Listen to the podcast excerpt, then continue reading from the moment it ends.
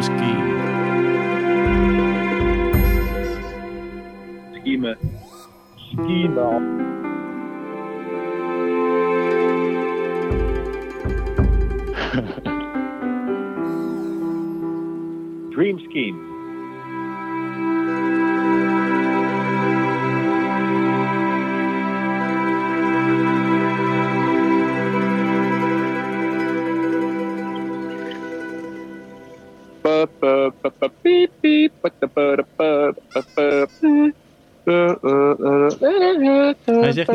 volgens mij Right Air.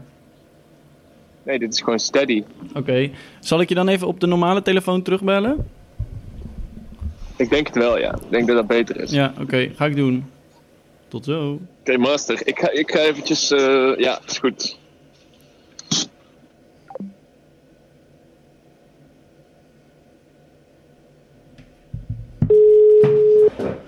Oké.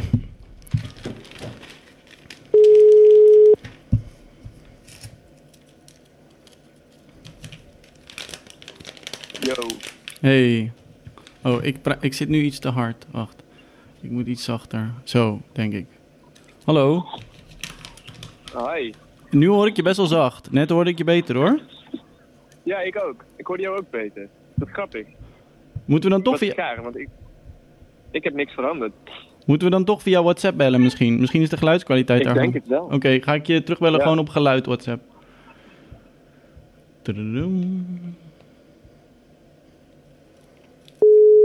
Oh ja.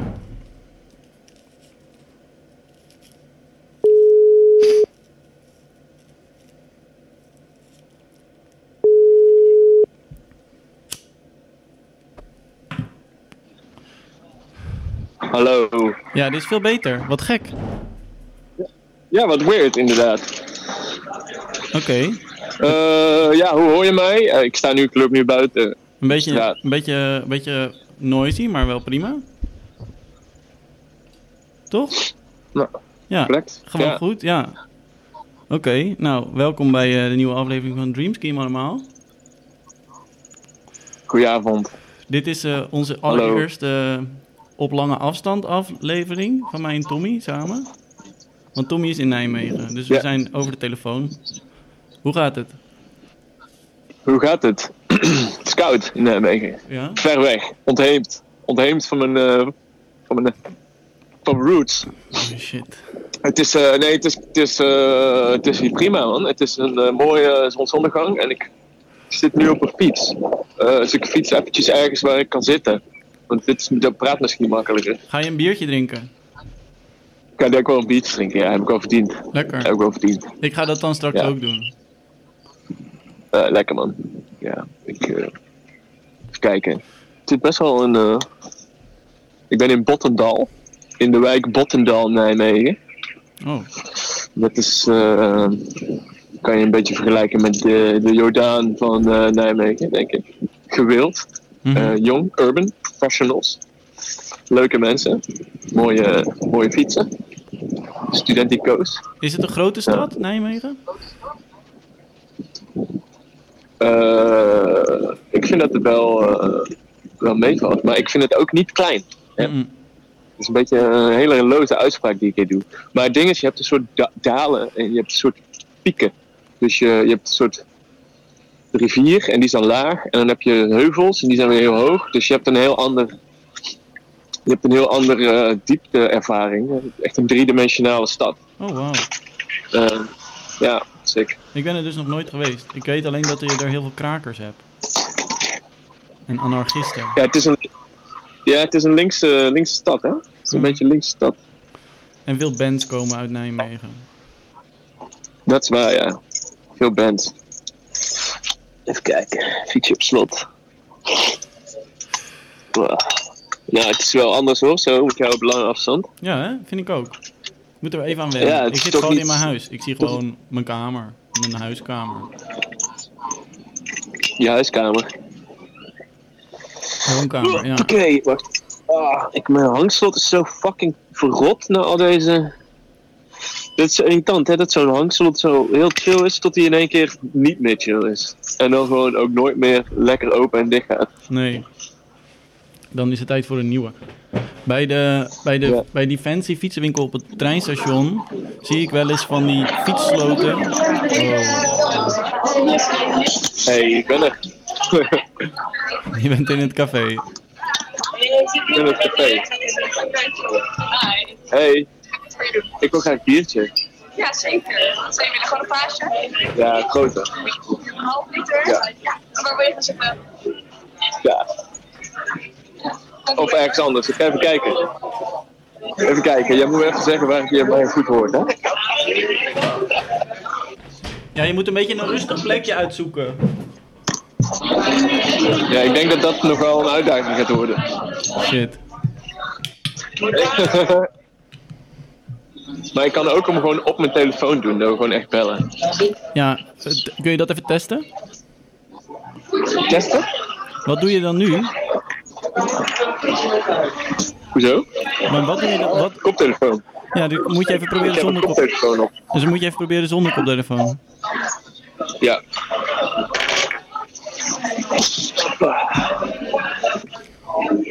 Oh, er hangt een heel vet schilderij hier.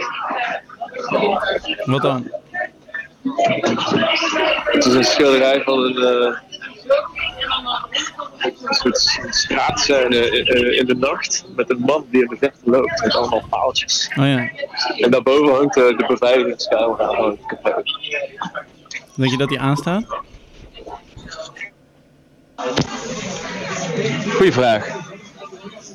Ik hoor nog Hoor steeds wel heel veel achtergrondgeluid hoor. Maar ja, dat, is misschien, eh, dat hoort er misschien bij. misschien moet je me op mijn normale telefoon dan nu bellen. Want nu doe ik dan niet die koptelefoon en kijk, kijk of je me op die normale kan Oké, bellen. ga ik proberen.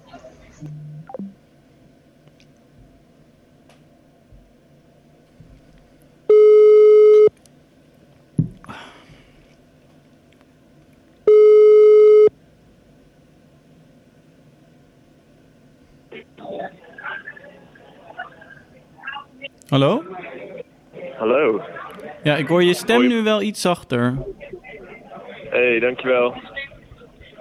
Je hoort mijn stem zachter. Ja, maar ik hoor, je, ik hoor ook wel minder achtergrondgeluid. Ja, dus dat, dat hoort er dan bij, hè? Je hoort eigenlijk niks, je hoort eigenlijk alles minder. Ja. Maar ik hoor je nog wel goed Dus- genoeg hoor, denk ik. Ja? Nou, doe ik het voor. Ja. Ik zit hier gewoon met een, kop, met een telefoon tegen mijn oor en een vinger in het andere oor Bier te drinken. Bier te drinken. Echt heel vintage. Echt eh, pre- echt pre-9-11 café ervaring. Ja. Proost. Ja, proost. Nou, wat, eh, wat heb jij allemaal meegemaakt, man? Best wel, ik heb best wel iets leuks meegemaakt van de week eigenlijk. Ehm, want ik ben op een soort missie. Ehm,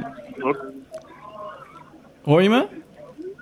Ja, zeker. Je bent op een missie. Ja, ja, ik ben op een soort missie. eh, eh, want eh, ik ben natuurlijk heel erg fan, eh, ik weet niet, dat heb ik wel eens verteld, van het graphic design van, die, van de boeken van Wellebeck.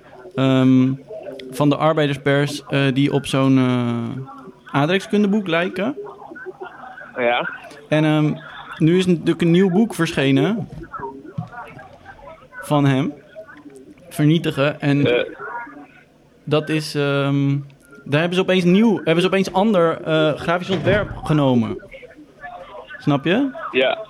En eh, ik wou al heel lang een eh, soort werkje, een soort infographic werkje maken over dat aantrekkingskundeboek ontwerp. Ja? En nu hadden ze dat dus opeens veranderd. En toen had ik de ontwerpers ge-mailed. Van waarom maken jullie niet meer dat ontwerp? En eh, dit nieuwe ontwerp is echt veel minder mooi of zo. Ehm, en daar had ik allemaal vragen over gesteld, omdat ik daar dus iets mee wou doen. En toen eh, hadden ze gezegd, oh laten we bellen. Trouwens, dat nieuwe ontwerp is ook gewoon van ons. Wat ik dus net helemaal had zitten bekritiseren. Ehm, Waarom hebben ze dat dan gemaakt überhaupt? Dit nieuwe. Wie Ja, wou dat dan? Ja, dat weet ik dus niet. Maar toen zeiden ze, we gaan, laten we maandag bellen. Dus ik ga morgen met ze bellen. Dus eh, ja, het verhaal is eigenlijk nog niet af. Maar eh, ik ga erachter komen. Ja, het- je had het laten zien. Ja, dat is echt een heel erg lelijk, eh, lelijk boek. Ja, ik vind het is ook, het is wel, eh, ik vind het langzaam steeds mooier. Vooral die regenboog op de achterkant, op de rug. Ja. Ja. Ehm, maar ik vond het wel leuk dat ze gewoon wilden praten. Vond ik wel eh, Ja, gezellig. waar, ga je het, je gaat gewoon hebben over, over, over wat, over waarom het boek er zo uitziet. Of, of- Nou, ik wilde graag weten hoe ze bij dat eerdere graphic design waren gekomen, want dat vind ik echt heel goed. Daar ben ik echt fan van. misschien, ja, misschien is diegene gewoon weg ontslagen. Nee, want ze zijn maar met z'n tweeën. En ze doen het al, altijd al samen. En nu nog Oh. steeds. Dus ja, ik weet niet. Nou, wat een leuke missie, eh Jan Dirk. Ja. Wat een leuke... ik ben echt benieuwd wat er uitkomt. Ja. Wie weet krijg je wel een mooie baan aangeboden daar. ja. Ik hoop dat ze het dan niet erg vinden, want ik ga wel hun graphic design gebruiken in dat werkje. Dus dan jat ik wel hun Ja, dat is beeldmateriaal. toch een eer. Dat is toch een eer. Dat je mag kunst toch wel? gaat maken. Ja, joh. Kunst van de Nederlands vertaalde boeken van Willebeck. Ja, Ja, dat is toch gewoon schitterend. ja. Dus dat, dat Heb je die allemaal nou al gelezen van, eh, van, Nee. eh, van die guy? Ik ben nu ehm, bijna heb ik alle essays uit. En ik ben nu zo'n bijboekje, dat heet, Onderwo dat heet uh, Lanzarote, ben ik aan het lezen. En de nieuwe, en ik moet nog platform lezen en dan ga ik de nieuwe nog lezen. Een Ehm, soort Harry Potter eh, reeks. ja, het zijn er echt veel hoor. Hopelijk is dit ook nog niet de laatste, maar ja, dat weet je natuurlijk niet. Je weet het niet, hè? Als dan Kirak ligt, eh Maken ze een dan map? doet hij helemaal niks meer. Dan ligt hij onder de grond. Ja, wow. ja, dat is ook heftig. 18 april komt dus het hoger beroep van Wellebeck tegen Kirak. Hij wil nog een... Want hij heeft nu weer verloren, de rechtszaak. Ehm, Ja? Hij had in Frankrijk verloren en nu heeft hij ook verloren in Amsterdam. En nu is hij in hoger, hoger beroep gegaan, dus dat komt dan 18 april voor. Ja. Ontknopingen, belangrijke ontknopingen. Ja, ik ben wel benieuwd. Maar ik denk niet dat hij nog gaat winnen. Ja, het zijn... eh, het, is een, eh, het is weer een kritisch moment. Ja, Veel ontknopingen. ja. Zeg dat wel. Het was echt een week vol ontknopingen. Ja. Ik zag trouwens dat die rechtszaak van die, eh van die eh, Anderweg trouwens ook bijna is, hè? Ja? Ja, dat is deze zomer of zo. Oh shit. Wow, dat is, heeft wel lang geduurd dan. Ja, Hm, ja, ja spannend. nee, dat... eh, ja, spannend, ontknopingen. En ja, de, rand, de directeur van de KWK is er weer eentje onthoofd. Ja. Volgens mij, ik, weet jij. Want het laatste wat ik heb meegekregen is dat hij nu wel echt weg is. Of dat hij echt weg moet of zo. Weet jij er veel van? Nou, volgens mij hebben er nu een aantal hoofden van afdelingen. Niet allemaal, maar gewoon een soort van de, de Axis of Evil. De mensen die dan een soort van samenspanden tegen hem. Hebben een soort open brief geschreven waarin ze dus zeggen dat ze niet meer willen samenwerken met hem. En met- dan heeft hij eigenlijk wel gewoon een tactisch probleem, denk ik. Ja. Eh, maar voor de rest was het nog wel een beetje open en was hij, had hij best wel een goede tactiek of zo. Maar, want ik heb Maar die brief die, eh, ook gezien.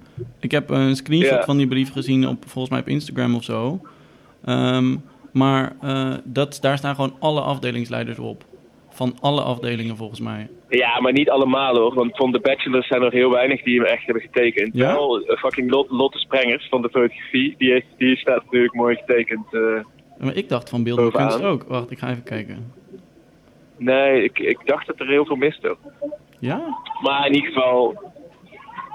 Het zijn er ook wel veel die wel hebben besloten... eh, die brief te ondertekenen. Oh ja, de, de- de, de kop van de brief is ook open letter to the KBK community from heads of departments. Dus er staat niet from the heads of all the departments. En dan staat eronder... En dan van de, K, van de BA, het zijn allemaal ME, ME type, alle ME's, heel veel ME's. Ja, Rantichan, Rip, Rip Rantichan. Ja, voor de mensen die hier dus helemaal niks van kaas van gegeten hebben. Er is dus een hele, eh, op een heide, ergens in de tuinen in Den Haag, staat een heel pittoresk schooltje, de KBK. En daar, eh, ja, daar houden ze heel erg van machtswisselingen. En van, van power struggles, van eh, boards of governance en eh, toxic students en al die dingen daartussenin. Mhm. Ehm, dat, gaat daar, dat, dat vinden ze er allemaal heel goeie. En, en nou was het dus een, eh, een interim manager na het afgezetten van de vorige manager. die een nieuw plan had geschreven met een nieuwe soort van, hoe zeg je dat? Board structure. En op basis van dat hebben ze de nieuwe directeur Randy Chan aangenomen. Mhm. En hij is helemaal power to the people gegaan. Hij heeft de mensen helemaal met zich meegekregen. En hij was helemaal de nieuwe directeur. Eh, vervolgens is hij eigenlijk gewoon, wil hij, is hij het niet eens met dat met die eh, beleidsstructuur en wil hij dus dat er drie mensen aan het board zitten, waaronder hij en iemand van het conservatorium. En de chairman of the board wil dat niet en zegt dat er maar één iemand aan het stuur mag zitten en dat is hij. Mhm. Ehm, en heel veel brieven over en weer. Schijnbaar heeft Ranti Chan dus eh, eigenlijk heel zijn leven lang hij in die baan zit, de hele tijd lopen zeuren over dat hij het daar niet mee eens is en dat hij het de hele tijd daarover wil hebben. En nou ja, eindstand, die board heeft hem geschemd dat ze hem gewoon willen ontslaan. En dat eh, weigerde Ranti Chan toen eh, te doen. En Ah, ja. toen eh, eh, is hij public gegaan. Dus toen heeft hij alle e-mailtjes van heen en weer heeft hij, eh, openbaar gemaakt om te laten zien hoe dat eh, het waarschijnlijk niet klopt wat ze over hem zeggen. Ja. En nou, studenten staan aan zijn zijde. Hè? Iedereen rent mee achter de vlag. Ranti Chan. ja. En, en het is natuurlijk tegen Huug de Deugd. Dat is de antagonist van Ranti Chan.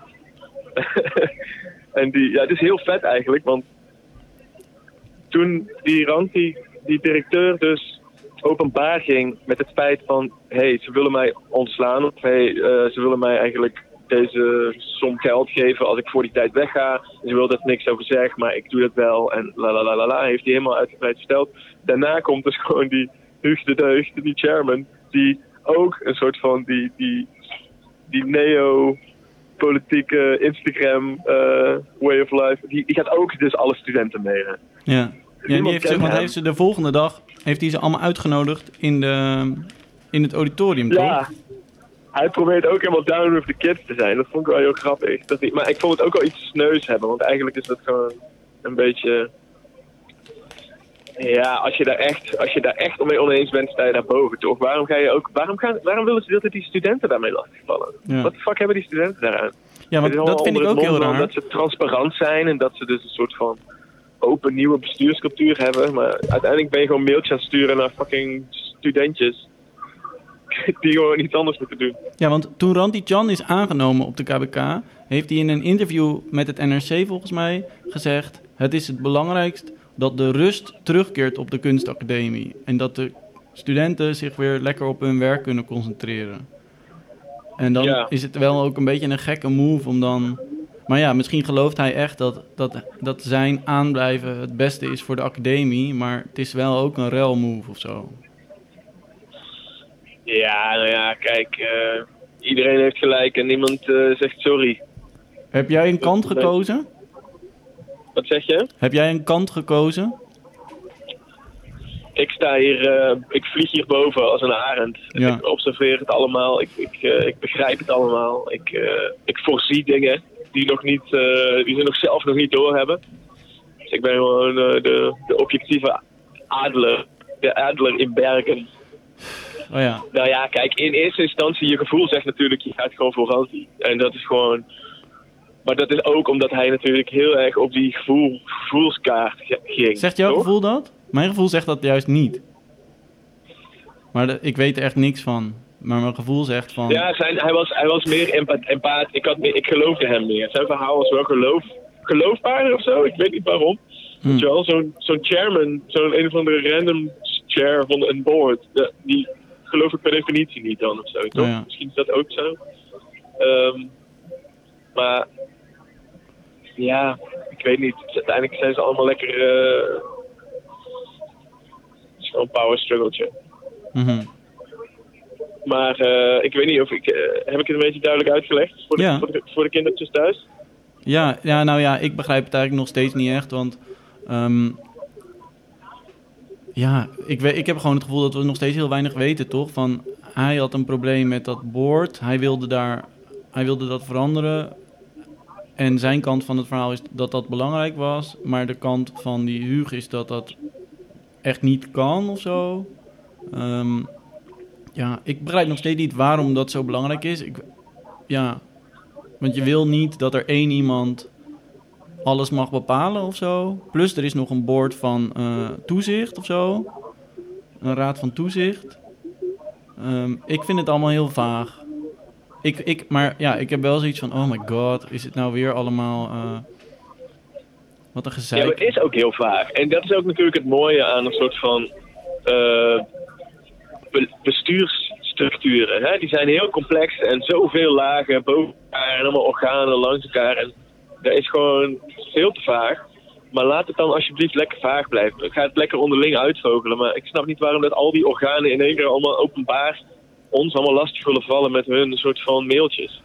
Alsof alsof wij daar beter van worden. Weet je wel, het allemaal, dus, nu is iedereen weer opgejut, gaan ze allemaal demonstreren en is iedereen weer een soort van helemaal bloed aan het koken. Terwijl, wat de fuck heb je eraan? Je kan er helemaal niks aan doen, want die mensen die gaan gewoon lekker skiën, het is gewoon Rome. Het is gewoon, Ja. gewoon, eh, het is gewoon Rome all over again. Wat zou jij dan denk je doen als je nu student was? Zou je dan ook op de barricade springen of zou je gewoon lekker je terugtrekken in je atelier? En je er niks van aantrekken? Heel diep terugtrekken in het atelier. Heel diep. Nee, ik ga ik gewoon heel diep in mijn atelier terugtrekken. Zou ik denk ik een soort van bermbom maken of zo. En dan eh, zou ik booby traps daar gaan installeren. Zodat Mhm. ik zeker weet dat ze mij, mij niet kunnen meenemen. En dan eh, ga ik daar gewoon eh, kijken hoe lang ik het uit kan houden. Misschien een gezinnetje beginnen met iemand. Kijken of we kunnen, oh, een klein moestuintje kunnen aanleggen in dat atelier. Kinderen grootbrengen. Gewoon homesteaden. off the grid gaan. Alles achter me laten.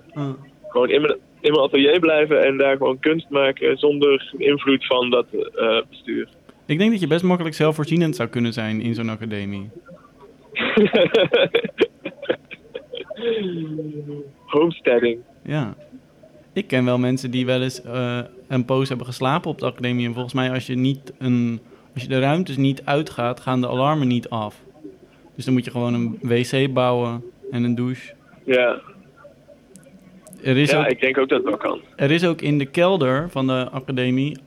Ik weet niet, weet jij, waar, weet jij nog waar de opslagkooi van de eerstejaars beeldende kunst is? Ja, die kooien daar, die kelderboxen. Ja, er is één zo'n kooi helemaal aan het eind van die gang. En daar eh, mochten we dan in de eerste onze spullen laten. En er zat een soort luik of een soort plank. Die had Sahar dan opengeschroefd. Of open, weet ik veel, open gekregen. En eh, daar, dan kon je door naar de kruipruimte. En daar stonden dus echt in de... En dat, dan kan je gewoon rechtop staan. En dan kan je gewoon onder de hele academie lopen. En daar stonden ook echt gipsen beelden van studenten van 50 jaar geleden of zo. Eh, stonden daar dan te beschimmelen. En eh, hij had daar dan volgens mij een soort opslag nog bij geclaimd of zo. Maar daar kan je best wel witlof verbouwen of zo. Groenten die geen licht nodig hebben. Ja. Salamanders, van die axolotls. Oh ja, ja precies. Die dan grillen. Hele grote. Dat die axolotls heel groot worden ook. Ja, ja dat, ik denk ook dat er wel heel veel mooie kunst ligt uit 1920 of uit 18, of 1810 of 16, Ja, daar ligt heel 17, veel. ja, wanneer dat gebouw er dan stond. Ja. Ik denk dat er op die plek gewoon eigenlijk altijd power struggles als dit zijn geweest. ja? Maar in de tijd dat ik daar was, heb ik dat nooit meegemaakt hoor. Ja, ik weet dat bij mijn afdeling was dat ook een beetje zo. Want er ging ook weer iemand weg. Dat was dan de hoofd van fotografie, Corine. En die ging dan weg. En eh, ja, dat opende gewoon een vacuüm, weet je wel. Een machtsvacuüm. Hm. Eh, eh, daar waren andere mensen ingekomen. En die hebben uiteindelijk de structuur van die hele opleiding omgegooid. Dus die hebben allemaal docenten ontslagen. Nieuwe aange... Die hebben allemaal huis gehouden, weet je wel. Ja. Het is gewoon wat er ook gebeurt in met, gewoon met ISIS eigenlijk. Je hebt gewoon een machtsvacuüm. En dan komen de op. terroristen. Ja. ja, wat ik wel echt dacht toen ik daar was. Want toen had je het beeld. De, ik weet niet hoe het op andere afdelingen was, maar in de beeldende kunstafdeling was dan. ehm, had je een afdelingsdirecteur. Dat was toen ik er was eh, Klaus Jung. Eh, en dan Ja. had je de coördinator. En dan had je daarna alle docenten. Is die er ook nog, die, al die mensen? Nee, nou, er zijn een aantal docenten dus weg. En die coördinator is ook weg, maar die is vervangen weer door een andere coördinator. En dan heb je dus dan heb je de drie afdelingen, sculptuur en eh, schilderen en autonoom. En die hebben allemaal ook weer een afdelingshoofd. Maar dat heeft volgens mij niet zo heel veel om handen. En dan heb je nog eh, dus gewoon de docenten per afdeling. Dus drie per afdeling Ja. of vier of zo.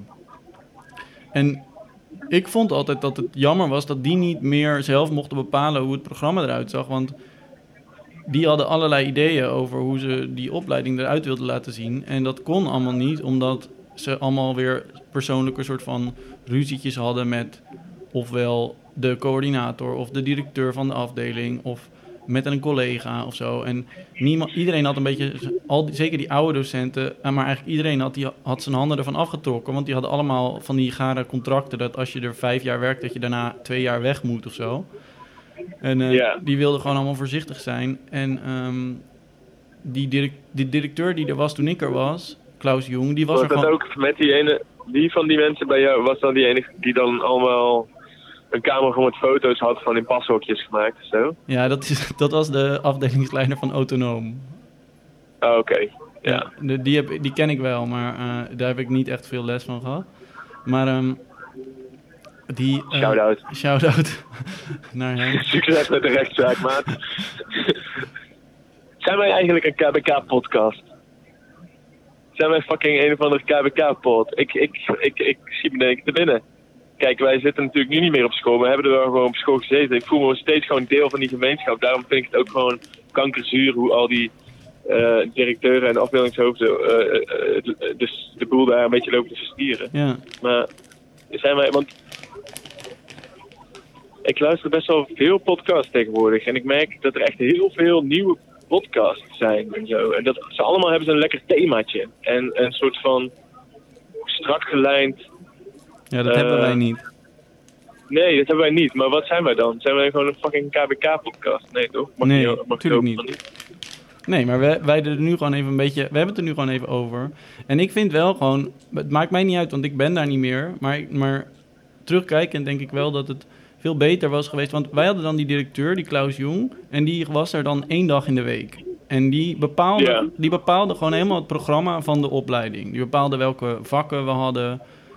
En eh, nou ja, op zich was er redelijk veel vrijheid voor de docenten. Omdat driekwart van de tijd was gewoon studiovisits met de docenten. Maar de rest van het, maar zeg maar verder bepaalde hij het hele curriculum. En hij was er nooit. En alle docenten waren daarover gefrustreerd. Niemand, geen een van de studenten kende hem eigenlijk. Dus ik denk altijd Hij van... kan gewoon geld tellen af en toe. Ja, het was echt heel raar. En ehm, ik denk altijd van het was veel beter geweest als, eh, als ze sowieso gewoon minder... Omdat jij zegt van het is zo'n bureaucratisch raar machtsspel. Ik zou denken, het, je moet, het moet gewoon veel minder allemaal. Je moet, het moet gewoon... eh, je hebt al die tussendirecteuren helemaal niet nodig. Ja, maar Dat elke die zo'n school eh, is eigenlijk zo'n instituutje, weet je. Die, hebben dan weer daarboven zitten gewoon allerlei groepen mensen die ook helemaal niks met die school te maken hebben. Die zitten gewoon in een andere plek, één keer in de maand, een soort van een raad te zijn. Om gewoon geld te vangen, toch? Dus dat zijn gewoon professionele eh, board members. Die, die, die, die kunnen zo ook weer in, de board zitten van, eh weet ik veel, gazelle fietstechniek of zo. Lijkt jou dat een leuk baantje? Een boardmember. Ja, gewoon random boardmember van iets. Ja, eh, wat doe je? Ja, wat doe je daar? Wat ga ik daar doen? Ik bedoel, ik ben niet echt, ik sta niet echt bekend om een soort van hele subtiele gespreksvoering. Dus ik ga daar gewoon, ik ga daar gewoon café houden dan in die, in die, eh, aan die vergadertafel, toch? Ik ga daar gewoon gezellig doen, grappen maken en zo. Totaal niet bewust zijn van alle soort van implicaties van al die eh, politieke spelletjes die daar gebeuren. Dus ik denk dat ik best wel snel misbruikt ga worden door iemand. Ja. Eh, en dat ik dat, dan ook, dat ik dat dan ook niet echt door heb of zo. Dus dat dan iemand mij weet te bespelen. En dat, dat we dan gewoon vrienden worden. Maar dat ik dan niet door heb dat ik eigenlijk zwaar uit bespeeld word. En een soort van zijn, soort van zijn kant sta of zo. Mm. weet ik wat. Maar weet jij... Ik denk dat ik best wel een goede, ik denk dat ik best wel goed zou zijn daarin. Omdat ik gewoon, eh, ik gewoon met elke wind meewaai. Mhm. Ja, Als het precies. maar gezellig is. Ja, dat is een belangrijke kwaliteit om, om zo'n boardmember te zijn, Ik denk, ja, ik denk dat dat echt de kwaliteit is. Voor, voor, ik denk dat ik chairman zou kunnen zijn. Ja. Die hele, die hele Mark Rutte. Ja. Ah, is toch leuk? ja, want weet jij hoe je geld verdient daarmee? Want ik weet dat als je namelijk in het bestuur zit van een stichting... dan kun je helemaal niet betaald krijgen door die stichting. Dus Maar een school is misschien geen stichting. Jullie stichting krijgt niet betaald, maar hun kregen echt wel betaald, hoor. Ja. Jouw stichting geen geld oplevert. Nee, die... Nee, maar bijvoorbeeld Billytown. Billytown heeft ook een, een extern eh board. Maar volgens mij krijgen die echt niet betaald hoor. Volgens mij is dat vrijwillig. Maar ja, Billytown is natuurlijk Ja, maar die, gaan dan weer, die hebben dan weer... Die hebben dan weer even een, eh, een bedrijfje in Ierland, wat dan via dividend eh, betaalt aan een eh, brievenbuspraktijk in, in Panama, wat dan weer via een pensioenfonds in Nederland op hun rekening komt, weet ik veel. Dat gaat gewoon via een omweggetje. Ja, maar Nee, Billytown ik heeft helemaal geen geld. Nee, maar die, die mensen die dan een soort van op de, in de boord zitten van eh, zoiets als KBK of Mhm. in, in een school, Ja. die krijgen gewoon geld. Ik denk zoals bij die Huug, denk ik wel van... Ik ben heel benieuwd wie dat dan is. Van waarom kan het je zoveel schelen of zo? Ben je echt zo begaan met ofwel je eigen macht... ofwel me- bij hoe het met die academie gaat? Ja, ik, als je...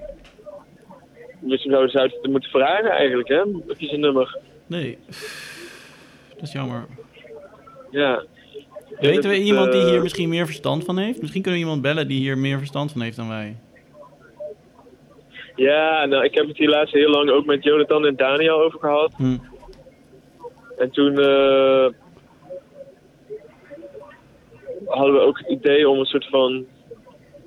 Dan, we hadden al een mailtje gestuurd naar Ranti om te kijken of, hij, of we met hem konden praten. Of, eh, even, konden, even konden interviewen of zo, of gewoon praten. En nou ja, die heeft natuurlijk niet gereageerd. Nee. En eh, ik weet niet, eigenlijk ik mij steeds meer het gevoel van: dit interesseert me eigenlijk echt helemaal niks. Oh nee. ik bedoel, ik vind het drama altijd heel leuk, maar het is een beetje een soort van. Een beetje vals drama. Het is niet echt iets wat iets oplevert. Zo. Mhm. Ja, maar ja, ik, zou wel, ik zou het me wel graag een keer willen laten uitleggen door iemand. Ik zit na te denken of we iemand Ja, kennen die we even kunnen bellen Nee, om het maar- uit te leggen. Maar ik weet eigenlijk niemand die veel over management... Daar ben ik wel met je eens, hoor. weten. Dat zou ik ook wel willen weten, maar ja. Ja, er zijn, weet je wel, iemand als Heske of zo, die zit dan ook in Nest en die zit dan ook in eh, raden van bestuur. Weet je wel, die, die weet daar volgens mij wel meer van, hoe al die dingen werken. Zij, zij, zij is wel pro geworden in al die, eh, hoe die structuren in, in elkaar zitten of zo. Ja, of ik denk aan Sirre. Sirre die weet altijd veel over bestuur. Ja, is dat zo? Ja, dat, dat geloof ik meteen. Zal ik het vragen of we hem kunnen bellen? Ja, is goed, maar dan, eh, ja, bel hem gewoon op, zou ik zeggen. Ja, dat, ik weet niet. eh, ik krijg hem altijd moeilijk te pakken. Ik zal hem even appen.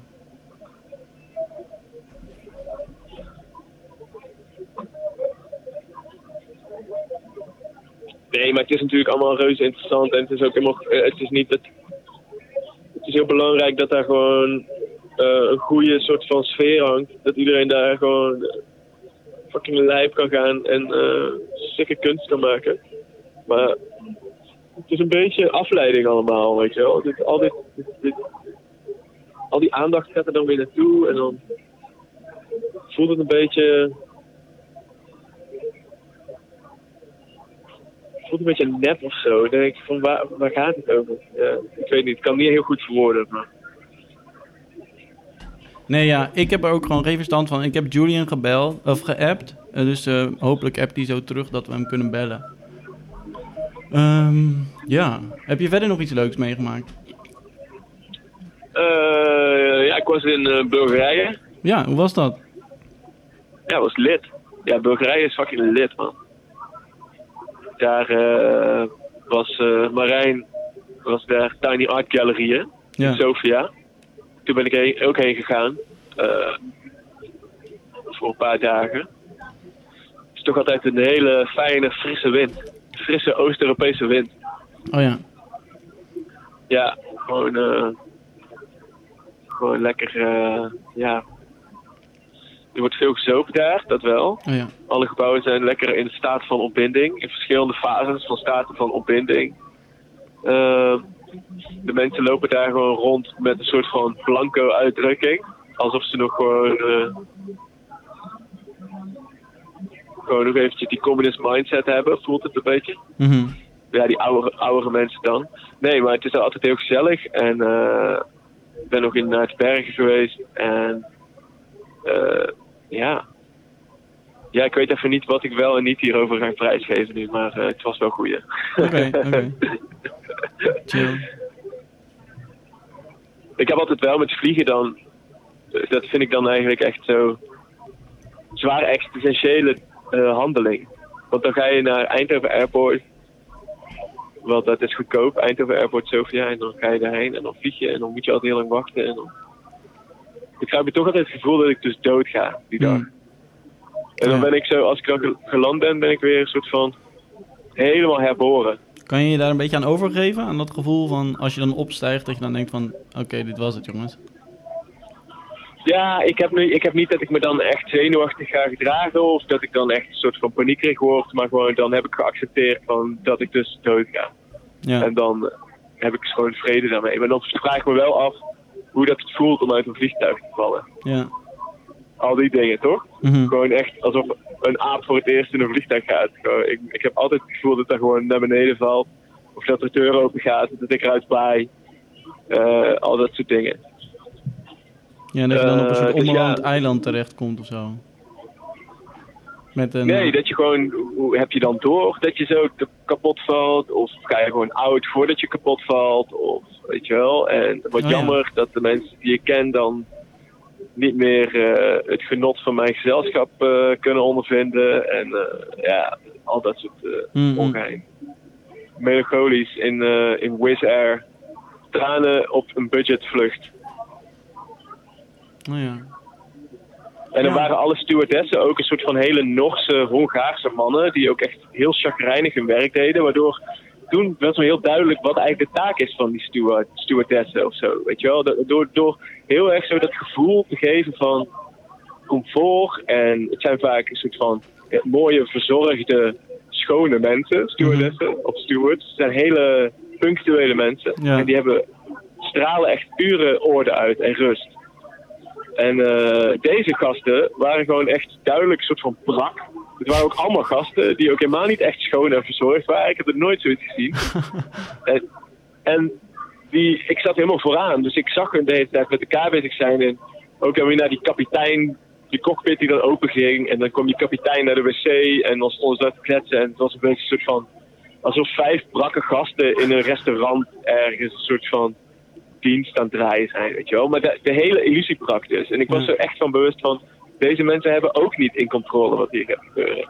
Weet je wel, dat was heel erg een soort van, ja, eh, het maakt het niet beter. Ik dacht echt van, ja, ze doen, ze doen zo'n steward doet heel erg alsof je dan alles oké gaat. Omdat je stijgt dan op en dan eigenlijk vrij kort daarna heb je dus een soort van turbulentie. En dan eigenlijk meteen daarna roept een van die stewards om. Ladies and gentlemen, we are now... En dan gaat hij zoiets vertellen over dat ze dan met een soort reclamefolder langskomen. Dus met parfum of zo, of Mhm. met eh, dat soort producten. En, en als ze dat zeggen, dan heb ik altijd meteen het idee... Oh, oké, gelukkig, het is gelukt. We, zijn, we hebben geen gevaar meer, want er worden mij hier producten verkocht. Dus ik ben in een veilige omgeving waar ik parfum kan kopen. Maar toen hun dat deden, had ik zo in één keer echt heel erg door van... Het maakt echt helemaal niks uit over een soort van de, de, de technische veiligheid van dit, van dit vliegtuig of zo. Nee. Ja, dat. Zij hebben er al lang vrede mee dat ze een keer gaan neerstorten. Hm? Zij hebben al lang geaccepteerd dat ze een keer gaan neerstorten. Ja, die uitdrukking hadden ze wel. Elke heel leeg. kan de laatste zijn, ja. Ja. Ja, ik had laatst zo'n film Ja. gezien, eh, zo'n Spaanse film van Almodovar. ehm, I'm So Excited. Ken je die film? Wat hè? Ken je die film I'm So Excited? I'm so excited. Nee man, dat ken ik niet. Oh ja, ja, dat gaat ook hierover. Dat gaat over allemaal stewards die zich helemaal, die heel veel aan het zuipen zijn tijdens een vlucht en zo. En het is heel leuk, maar ja, als je het niet kent. Maar, Ja. Ja, nou ja, dus vliegen man, fuck dat. Maar goed, eh, het moet gebeuren, want anders dan duurt het heel lang om met Sofia te komen. Ja. Eh, Maar nee, Sofia is lid.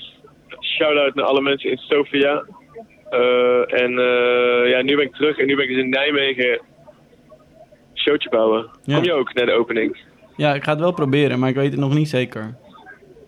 Ik Ja. moet nog even kijken hoe mijn week eh, wordt. Want ik moet, eh, ik moet allemaal dingen bouwen deze week. En ik weet niet hoe dat met die... eh en het eind van Oh, de ja. week is de deadline. Dus als ik op tijd klaar ben, dan kom ik. En anders niet. Kill, ik sliep dus, ik slaap dus hier in een bed, bed and breakfast. Ja. En ik was gisteravond daarheen gegaan om die aflevering van Boos met Jozef Klibanski te kijken. Ja. En ik vond het heel vet, want ik zat er te kijken. En had jij het gezien? Ja? Ja, ik dacht echt zo van. Het ging dus over heel erg veiligheidsrisico's en over gasmaskers en over eh, silica stof. Ja. Maar ik kwam in één keer achter dat ik dat. Ik werk daar altijd mee. Ja, Gewoon, dat dacht ben ik ook aan, ja. Altijd. Ja. ik, kwam, ik kwam echt soort van. Ik dacht, ik ga heel erg lachen om die uitzending van eh Claude Jozef Klibanski in eh Boos.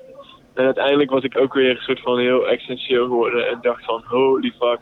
Volgens mij ben ik echt niet lekker bezig. Mijn studio is echt fucking hell op aarde. Maar draag jij, jij draagt toch wel een masker? Ja, ik heb altijd een masker, maar Nou, Eh, als ik aan het werk ben sowieso, maar het ligt in principe overal stof. En als je, soms zit je ook ergens en heb je geen Mhm. masker op, weet je wel. Mhm. Dat gebeurt ook. Ja. Eh, ik ben denk ik nu al zes jaar intensief cementen aan het gebruiken in mijn leven. Ja. Eh, dus ja, vond ik wel, vond ik wel funny man. Ja. Ik, eh, ja, gingen vroeger niet ook allemaal kunstenaars dood aan allemaal verf en zo? En van alles, ja. Loodvergiftiging, eh, alle pigmenten. Daar moet je echt wel mee uitkijken. Maar, ja, eigenlijk ehm, wel stoer. Stoer als ik dat wel gewoon ja. helemaal silica stoflong heb. Ja, nou, ik zou, ja. Ja, ik weet niet. Ik, ik, ik vond wel, eh, ik vond die aflevering wel vet. Omdat ik eh, Boos echt een kutprogramma vind.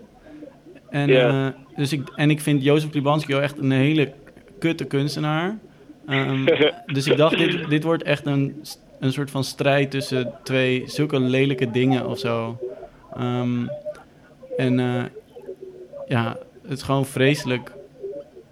Iets heel lelijks vecht tegen iets nog lelijkers of zo. Maar eh, ik, vond, ik vond wel echt dat Jozef... Ik vond echt dat Jozef de Die twee Klibanski... samen op één beeld, toch? Tim Ja. en eh, Jozef in één shot. Dat is echt Oh de fucking blunt, nightmare blunt rotation. Ja, maar ik vond dus wel dat ehm Jozef Klibanski echt als winnaar uit de bus kwam. Dat hij echt eh, een veel vettere gast was dan Tim. Dat hij, ik vond hem, Ja. ik vond hem echt... het gaat dan even niet over zijn werk en zo. Maar ik dacht wel van, oh ja, hier, jij bent wel echt gewoon eh, heel stoer. En eh, helemaal niet bang. En helemaal, hij, was- hij was echt heel relaxed. En ik had ook echt Ja, ze hielden zich goed staande, hè? Ze hielden zich echt goed en ze waren zo lekker zongebruind. En, ze, en Tim zat zo van, oh ja, oh ja, dit en dat. Oh. En, want aan het begin was het ook, dan ging, kwam... Nee, dat meen je niet, gast. Gast, dat meen je niet. Nee. Nee, dat is niet waar. Ze gingen er ook, en op een gegeven moment zie je dat hij zo, die broer dan ook doorheeft dat hij een soort opening ziet. En dan gaat hij er zo vol tegenin, toch? Ja. En gewoon blijven gewoon vol tegenin te gaan. Dus niet ontwijken, maar gewoon ontkennen. En gewoon heel, heel goed deed hij dat. Ja, ja maar en, en wat ik ook vond was... Die broer ging het aan het, aan het begin zeggen van... ehm, ik... eh, dit is niet waar. Eh, we hebben het gewoon allemaal wel. En toen had Tim natuurlijk gewoon gelijk niks meer in handen of zo. Want ja, je bent daar en je hebt... Ik vond ook dat ze het vreselijk slecht hadden voorbereid. Je komt daar met een paar klachten van een paar mensen. Je weet eigenlijk niks. En dan Ja. zeggen die gasten daar dat het niet waar is. En dan, wat, wat weet je dan? dan? Dan is het gewoon... Ja, zij zeggen het is niet waar. Dan- Dus dan staat Tim daar van... Oh, maar hoe kan het dan dat wij dat van allemaal mensen hebben gehoord? En dan zegt die broer van... Ja, want die zijn jaloers en lui. Ja, nou, maar wij hebben dat wel van iedereen gehoord. En, en hij, hij wist ook helemaal niet wat dat stof was. Want dat stof waar hij het over had, dat is gewoon zand. Zeg maar, dat, dat is, hij heeft het de hele tijd over van dat hele specifieke stof... alsof hij iets heel vets bij de, bij de hand heeft. Maar dat is gewoon zand. Dat is gewoon... Ja, ja, dat is inderdaad niet goed voor je. Maar dat, daar werkt... ik was laatst nog in België en ehm, in Antwerpen... en er waren twee bouwvakkers in een soort winkelpand... met zo'n drillboor, een betonnen fundering eruit aan het slijpen... En die hadden gewoon allebei geen masker op. En die zaten gewoon helemaal onder het stof. Gewoon, Ja, maar gewoon bouwvakkers moet je buiten deze eh, Ja, formule dat- dat laten, is man. waar, Want dat die zijn waar, wel ja. echt eh, living, on the, living on the edge. Ja, maar goed, het was gewoon. Toen viel het helemaal in het water. Want het, ik vond ook, het begon al heel irritant. Want ik, Tim Hofman is gewoon een soort walgelijke good guy. Die gewoon zo zit van: Oh ja, we gaan jullie allemaal helpen. Uh, uh. We hebben een soort. Dit is ons leuke cancelprogramma of zo. En dan. Ik vond ook heel dom dat ze dan aan het begin. Dan, dan gaan ze even doen alsof ze spontaan meeten op een tankstation. Ja. En dan. dan Ja, precies. We gaan er nu heen. Zo alsof het allemaal een soort van... Ja, dan, en dan zegt, eh, En dan zegt Tim Hofman zo, die stapt dan snel in die auto, maar die heeft al wel een microfoontje op en zo. En die zegt dan, en die camera loopt al in die auto en die zegt dan, oh ja, oké, we gaan er nu, we hadden eigenlijk veel later afgesproken, maar we gaan er nu heen. We zijn op een, eh, ja, waar zijn we eigenlijk? Oh ja, op een eh, tankstation. Dat je echt denkt van, gast. Oh my god, echt zo'n walgelijke Nee, het, het voelde inderdaad echt als een, als echt een tering slecht voorbereide aflevering. Het was gewoon echt een, zo rommelig. En die gasten waren zo rustig en sympathiek. Die, die twee, eh, ja, dat zijn gewoon een soort van, zijn een soort rappers. Een soort Ja. ra- rapper-kunstenaars, maar ze waren heel rustig en sympathiek. En Jozef Libanski was, zag er zo goed en rustig uit. En die zit gewoon... Weet je wat die, op het einde van die aflevering, toen ze zo doei zeiden tegen elkaar op die parkeerplaats bij Ja. hun studio of zo. Toen zei die Jozef Kliwanski nog een soort van, gaf hij zo een hand, zo Tim zo, oké, later. En toen deed hij ook nog naar de cameraman. Jij ook, later maat, zei hij. Dat hij is helemaal die, hij is helemaal die guy. Hij was Ja. gewoon ook gewoon down met die cameraploeg. Ja, later maat, leuk dat jullie er waren. Toen, weet je wel, jongen, dat was zo chill allemaal. Ja. hey, we moeten hem uitnodigen, man. Ik wil hem, eh, ik wil hem wel spreken. Ja, ik vind, hem, Eh, ik vind het het- werk wel echt vreselijk. Het is echt, Ja, nou ja, het goed. is echt ik denk dat, skull candy eh, merch. Ja, maar eigenlijk is zijn hun, want het is natuurlijk een heel familiebedrijf. Hun bedrijfsvoering is gewoon echt eh, immaculate. Ja, wat, ja, dat is waar. Maar ehm, wat ik niet helemaal goed begreep uit het item en ook uit hun verdediging was... Het was niet helemaal duidelijk of zij de mensen die voor hun werken goed informeren. Het was wel duidelijk dat ze alles hebben... Maar het was niet duidelijk of ze dan ook zeggen dat die mensen dat moeten dragen. En dat lijkt me toch ook wel gewoon je verantwoordelijkheid als je mensen daarmee laat werken. Dat is toch gauw klaar. Ja, maar ja, je weet het niet, hè? Je weet niet wat er gebeurd is. Je Nee, weet het niet. Maar wa- waar ik ook wel heel benieuwd naar was, was... Die vraag wordt ook niet opgelost. Waarom heeft Boos dan zoveel boze reacties gekregen? Denk jij dat dat echt haters zijn? Of denk je dat dat... eh, want ik kan me wel voorstellen dat die gasten misschien een prima bedrijf voeren... maar wel Kill, mensen die zijn. fucking het programma boos gaan mailen, die zijn boos. Ja, ja, het is echt Die een snowflake-programma. Ja, ik bedoel, eh, als je die Tim een aanrelaxed persoon vindt, dan moet je je voorstellen, die mensen die mailtjes sturen naar Tim, Ja, die zijn pas uit. Ja, dat is waar. Ja, klopt. dat zijn Dat echt, ik bedoel, eh, het, het, het, zijn het, echt, chillers. het zijn echt de worst of both worlds. Het zijn namelijk aan de ene kant Tim Hofman fans. En ze zijn Ja. ook nog boos. ja. Dus dat is echt een nachtmerrie van een persoon om mee te maken. ja, nee, niet aan mijn, eh, niet aan mijn bed. Nee. Ik niks mee Ik vond dat ook heel grappig toen die broer ging op een gegeven moment zeggen buiten op dat parkeerterrein van... Ja, je hebt tegenwoordig een generatie die, eh, zeg maar, die, die zeg maar niet meer wil werken. En die gewoon alleen maar heel veel wil verdienen en heel weinig eh, wil doen daarvoor. En toen zag je Dat echt... wel echt een wakke opmerking, man. Ja, het was wel een beetje een wakke opmerking, maar hij was wel gewoon overduidelijk de fanbase van Tim Hofman aan het beschrijven. En eh, daarom kon Tim daar dan ook niet in meegaan. Want ja, dat Ja, zijn... Dat, nee, dat ik zijn, denk dat heel weinig van de aanhang van eh, Tim eh, Hofman werk heeft eigenlijk, heel eerlijk te zeggen. Ja, Die hebben denk ik allemaal arbeidsconflicten. zeg maar, Tim Hofman krijgt eigenlijk nog steeds studiefinanciering. Duo is de grote broodheer van Tim Hofman. Omdat hij gewoon maximaal bijlenende studenten betalen hem. Misschien moet Ronald Jan ook een mailtje sturen naar Tim. Naar boos, ja, wow. Ja, Jan ben boos. Dat ze zo de KWK binnenlopen, zo heel eh, vol bombarie. Ja, en een aflevering maken waar, waar je niks door van weet dan. Waar je niks van leert. Want, er is gewoon helemaal niks opgehelderd over dat hele probleem. Ja, precies. Maar gewoon twee soort van volwassen managerachtige figuren, ki- kinderachtig zien doen. En eh, de hele tijd... Nee, misschien dat hun beter naar rijdende rechten kunnen gaan. Ik denk dat dat beter, een beter forward is voor die twee. Ja. Ik dacht ook, hoe durf je dit uit te zenden? Het was gewoon echt, er was gewoon, het was gewoon niks. Er was gewoon geen inhoud in dat programma. Het was gewoon, we gaan daar naartoe, we doen boos. Er komt niks uit, aflevering voorbij. En dan ook nog zo heel flauw, aan, als hun zeg maar dus on the spot eigenlijk gewoon met lege handen staan en weer teruggaan.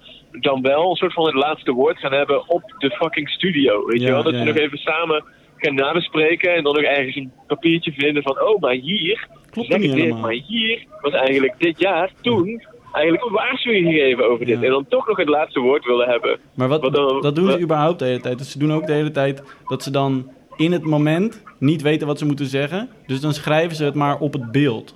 Dus dan staat er opeens een van, dan staat er een soort leuke slimme opmerking. staat dan in tekst op die video.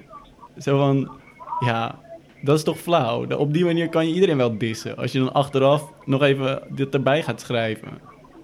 We moeten met video gaan, dus we moeten video gaan maken met deze, met deze radio eh, van ons. En dan dat ook gaan doen. Het dat is is zo fucking irritant. Want kijk, een normaal, zeg maar, de, de, de enige kwaliteit die een goede, beetje poontachtige eh shockjournalist moet hebben, is dat hij heel ad rem moet zijn en in het moment hele scherpe opmerkingen moet kunnen maken.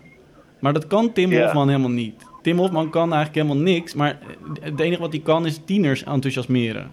En, eh, Ja, en daarom krijgt hij... Ja, niks. En daar, maar hij heeft wel allemaal ideeën over wat hij graag wil doen. Dus omdat hij zo goed tieners kan enthousiasmeren... mag hij dit programma maken, omdat tieners daarnaar kijken. Dus daarom krijgt hij carte blanche om zo'n kutprogramma te maken. En, eh, maar hij, eigenlijk heeft hij totaal niet het talent. Als je zeg maar één keer... Je moet één keer fucking bij Pound gaan kijken... wat die eh, gasten... Die hebben ook allemaal van die railschoppers. Die zijn tien keer zo goed daarin. Die zijn gewoon... Ja, die, kunnen gewoon ergens tennis komen schoppen. Tim is er gewoon meteen uitgeluld. Ja, dat is, eh, dat is wel waar. Ik vraag me ook eigenlijk af waar hij in één keer vandaan kwam. Want hij, hij is er in één keer zo opkomen dagen in, in Heb het je dat niet meegemaakt? Ik weet, ik ken... Maar ik weet eigenlijk niet. Ik heb het idee dat ik hem al heel lang ken of zo. Hij heeft zo'n Ja. gezicht dat ik zo al heel lang ergens van ken. Ja, want hij, hij was namelijk vroeger ehm, de social media expert van BNN. En toen was hij een beetje die cute nerd. Maar niet, in mijn optiek niet cute, maar een soort van onverzorgde, langharige, slimme social media nerd. En die, hij, hij werd dan wel eens door Matthijs van Nieuwkerk uitgenodigd om de nieuwe ontwikkelingen in Twitter of zo uit te leggen. Nee, echt? Ja. Oh, kanker, daar is hij dat nu van. Dat was hij. En toen, ik weet echt niet hoe het is gegaan, maar op een gegeven moment heeft iedereen collectief besloten dat hij hot is of zo. En, eh, en, Ja, en heeft iedereen ook, en heeft hij zelf ook besloten dat hij een soort van, hij vindt zichzelf ook een soort alternatief of zo, of een soort van, ja, ik weet niet. En toen is hij langzaam een soort van superster geworden. Heb jij die? ja, eh, en dan heeft hij even zo een paar keer zo de interne... Want hij kent natuurlijk die mediawereld goed omdat hij er gewerkt heeft. En dan gaat hij dat nu een beetje open bloot leggen. En dan... Nou, eigenlijk is hij ook gewoon een gekke power-hungry freak, man. ja, tuurlijk. weer zo'n... eh, heb jij die college tour aflevering met hem gezien? nee, Oh, dat was ook echt zo kut. Dan gaat hij ook huilen. Ah, Het is Waarom? echt- ja, dat weet ik niet meer eigenlijk. Had ik even terug moeten kijken, maar... dat is Gewoon- echt fucking lame dat hij dat doet, man. Hij is Doe je zo... toch niet? Nee. Toch niet, ga toch niet huilen in college tour? Ja, ik heb echt geen goed woord voor hem over eigenlijk. Het zou leuk zijn als Jozef Klibanski ook ging huilen. En dan Tim Hofman ook ging huilen. Dat iedereen stond te huilen. hey, nog even kort, nog even kort. We zetten het nog even kort op een rijtje. Door hoe hij dat programma maakt, snap je ook dat iedereen die dat programma kijkt echt een mogol is. Omdat hij zo de hele tijd... We zetten het nog even goed op een, kort op een rijtje. Dit en dit en dit is twee minuten geleden langsgekomen in de aflevering. Dus iedereen Ah, alweer ja, vergeten. het, eh, had hij elke keer niet die ene aflevering dat hij dat rapper Sjors een soort van cd's niet had opgestuurd die wel waren betaald of zo. ja. Dus hij had een soort van 30 euro schuldig aan iemand. Tim Hofman hem opzoeken of zo. Ik weet niet. Ja. ik heb hier nog wel een leuk verhaal over. En Ja, dat is mooie journalistiek hoor. Dan, dan, dan, daar krijg je echt iets. eh, dus zo help je de wereld echt verder. Nee, denk maar ik. mijn, eh, mijn eerste vriendinnetje, die eh, heeft, eh, die zat een keer in Boos. Die heeft Boos een keer gebeld. Ehm, want die maakte, die had ik leren kennen tijdens toen ik illustratie studeerde. En zij maakte samen met een vriendin van haar eh, bloemen van hout. Ehm, Ja. Zeg maar gewoon Leuk, overigens. ja, ehm, uitgezaagd uit een plank, eh, dunne plank multiplex. En ehm, die kon je dan, en dan eh, was de steel groen of wit of blauw en de bloem had weer een andere kleur. En dat, hadden ze, dat was hun product. En dat, had, dat eh, ging best goed. En dat, eh, dat, werd, dat kwam in allemaal van die woonmagazines en zo. En eh, die kon je er gewoon in een vaas zetten. En dat waren dan grappige geïllustreerde bloemen. 2D, maar dan uitgezaagd, weet je wel. En toen hadden ze volgens mij, ik weet niet of ze een klus hadden gedaan voor de HEMA of... Maar in ieder geval la- lagen precies dezelfde dingen een maand later bij de HEMA. Ehm, dus toen hadden ze boos gebeld van wij zijn, eh, ons idee is gejat. Nou ja, dat idee dat zal ook al wel hebben bestaan misschien, maar eh, ons idee is gejat door de HEMA. Dus toen is Tim Hofman met, met hun naar de HEMA gegaan, heel boos. en heel hoog van de toren blazend. En toen werden ze... Heel boos. Ja, was echt boos. En, Oh, en toen werden ze bij de HEMA natuurlijk ook gewoon, zeg maar... Ja, toen kwamen ze er ook helemaal niet doorheen. Want die mensen hadden ook zoiets... Ja, dit idee hebben ze nergens eh, gepatent. Wij hebben die Instagram van hun nog nooit gezien. Dat dit hoeft niet waar te zijn natuurlijk. Maar ja, dan hadden ze ook weer... hadden ze helemaal niks of zo. Toen vond- dacht ik ook al... Van, wat de fuck heb je hier aan? Laat het los. laat het los. Ik laat dacht- het gaan. Ik dacht ook heel erg bij die shit van Klibanski... Zo van, wat ben je als tv-programma nou eigenlijk aan het oplossen? Ik bedoel... Ja, Je dit is helemaal geen misstand in de samenleving. Dit is gewoon, als het al waar is, is het gewoon één kut bedrijf. Oké, whatever. Weet je wel, er bestaat al arbeidsinspectie. Dat hoef je niet over te doen of zo. Die, dat gebeurt gewoon. En het zal heus nog wel eens misgaan, maar het gaat veel beter dan 50 jaar geleden met al die arbeidsomstandigheden. Wat ben je eigenlijk aan het oplossen? Je doet het alleen maar omdat het een hotte kunstenaar is. ja, mensen willen drama, toch? En het, het sluit gewoon perfect aan bij een soort van de grote groep mensen tegenwoordig die zich gewoon heel graag laat opjutten en elkaar opnaait dat ze dus zeg maar, eh, weet je wel, onrecht eh, aangedaan wordt. Het is Zo. gewoon random En- en- en- haatcontent. Ja, en dan die Tim die speelt daar gewoon lekker op in. Want die, die zegt zo van, ik ben dan punt waar je naartoe moet gaan. En dan ga ik hun confronteren. En dan kunnen we allemaal met ons kokend bloed kunnen we naar binnen stormen. Kunnen we vervolgens ons weg laten sturen. Of gewoon in principe gebeurt er helemaal niks nog steeds. Eh, er gebeurt eigenlijk nooit echt iets. Nee, hij heeft altijd een soort hele kutte jas aan van de Zara en er gebeurt niks. Ja, en dan, en dan die mensen die komen daarna, ja, die, die, die mensen die dan boos waren of die dan problemen hadden, die moeten dan nog steeds eigenlijk gaan leven met hun, eh, die moeten nog steeds plek geven, want er is weinig uit die aflevering gekomen, dus ze zullen weer gewoon, eh, toch zelf doen. Ja, het is echt belachelijk. Ja, En ehm, ik denk dat er eh, tijd is voor een nieuw programma. ja, Laat het gaan. blij. Blij. Want dan kunnen mensen ons mailen, die Ja. echt ergens mee zitten. Als je iets En echt dan gaan we leuk gewoon vindt. hun filmen hoe wij gewoon zeggen, gast, laat het gaan. Dit is echt, ik weet niet waar jij het over hebt, maar eh, Ja, we gaan hier niks mee doen. loslaten. Fijn dat je naar ons toe bent gekomen. Ja, dan een pilsje drinken. Ja, of een programma Dankbaar. En dat we dan, als je ergens een hele leuke ervaring hebt gehad, dan gaan wij daar naartoe en dan gaan we die mensen bedanken met een bloemetje. Ja, dat is een leuke, want het is ook wel lekker, eh, weet je wel, je moet de lieve heer bedanken voor wat je, voor je, wat je hebt. Precies, En je niet zo moet fucking ook de lieve heer beda- bedanken voor wat je niet hebt. Ja, Niet allemaal over zeiken inderdaad. En ik weet zeker dat die mensen die in die atelier van Jozef Klipanski aan het werk waren, als die ook maar één soort van hersencel in hun hoofd hadden, hadden ze gewoon fucking maskers opgezet. ja En dan hadden ze daar gewoon iets. Als jullie daar werken, dan gaan jullie het zelf fixen dat dat goed is. Er hoeft toch niet iemand tegen jullie te zeggen wat je moet doen. Ik bedoel, het is net als dat je denkt dat een, een beetje een leuk opgemaakte stewardess in een vliegtuig. eh, jou eh, dat, dat soort van grote vliegende aluminium straaljager ding niet kan laten neerstorten, weet je wel. Het soort van zo'n. Die mensen die dus boos hebben gemaild, die hebben gewoon zo'n drang naar een soort van die autoriteit. En die hadden gewoon graag gewild dat de baas hun lekker vertelde hoe alles goed moest gedaan worden. En dan kwam alles goed. Maar het komt helemaal niet goed. Want overal zit de silica en je krijgt het toch wel binnen. En als jij een beetje pech hebt, krijg je toch wel kanker. Of je nou daarvan krijgt of niet. Ja. Daar kan je niks aan doen. Het enige wat eigenlijk... aan eh, Of jouw baas heeft goed heeft uitgelegd of jij een masker op had. ja. Het enige wat eigenlijk de Klibanskis echt te verwijten valt, is dat ze echt Mongolen aannemen. Dat is eigenlijk Ik denk de dat dat wel een gemaakt. zonde is. Ja, Ja. dat is een grote zonde. Ja, je moet toch geen... Maar ja, dat zegt ook veel over, over, over de kunst, weet je wel. Ja, ik vond het ook grappig dat zijn studio dan in Naarden is. Hij staat echt... Wat? Ik vond het heel grappig dat zijn atelier, waar hij dan al die dingen maakt, in Naarden is. Oh, cute. Ja, dat is toch een hele mooie plek, naar de vesting. Ja, dat is gewoon grappig. Dus gewoon echt in the middle of nowhere, toch? Of zo. Vond ik wel leuk. Ja, nou ja, ik, ik vind het... Weet je wel, ik vind het in principe weinig van wat hij maakt. Want, of wat we maken, want ja...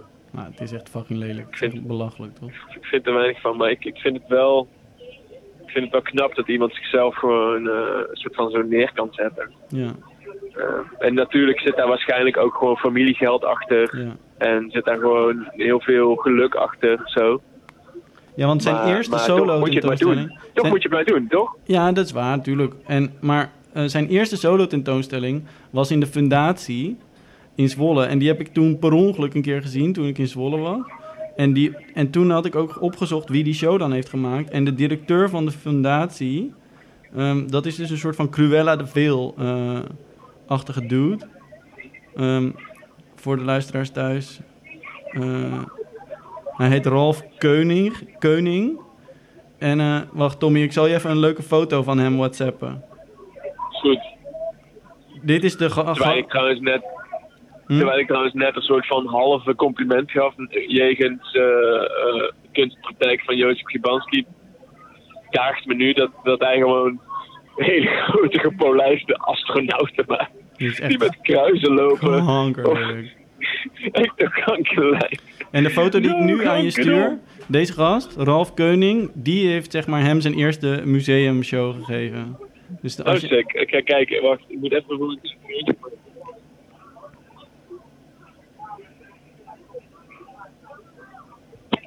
een art wat criminal. man. Ja, hij is echt een art criminal. Hij ziet er een beetje uit als een karakter uit de tekenfilm eh, Courage the Cowardly Dog. Oh, dat ken ik niet. Er is ook Ja, een hele leuke foto leuk. van hem en Jasper Krabbe. Eh, shit. Oh ja. Die wil ik. Oh ja, Ja, ja. deze foto. Dit is echt. Dit kunnen we misschien. Dit is echt zo'n leuke foto. Ehm, van die twee dudes. Dit zou ook wel onze profielfoto van onze podcast kunnen zijn.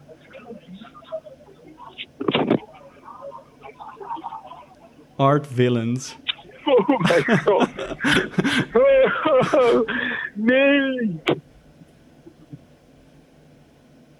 Fucking ballen. Het ziet eruit als een soort van de, de bassist en de gitarist van de Herman Brood eh, Experience Ja. coverband. Holy shit. Dit is echt eh, een heel eng duo. Ja. Ik moet Nou, even plassen. Ja, Eén seconde. is Of goed. één seconde hoor. Ja, doe maar lekker plassen. Dan ga ik gewoon eh, ondertussen gewoon hier even zitten en praten tegen mezelf. Misschien dat ik eh, nog iets ga bestellen. Niet.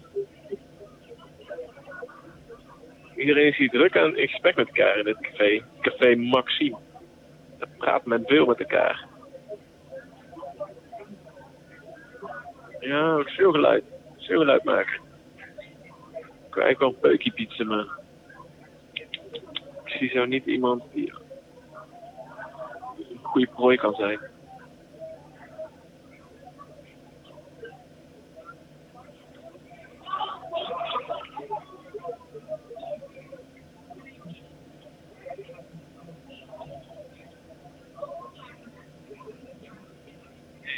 Ik misschien nog één.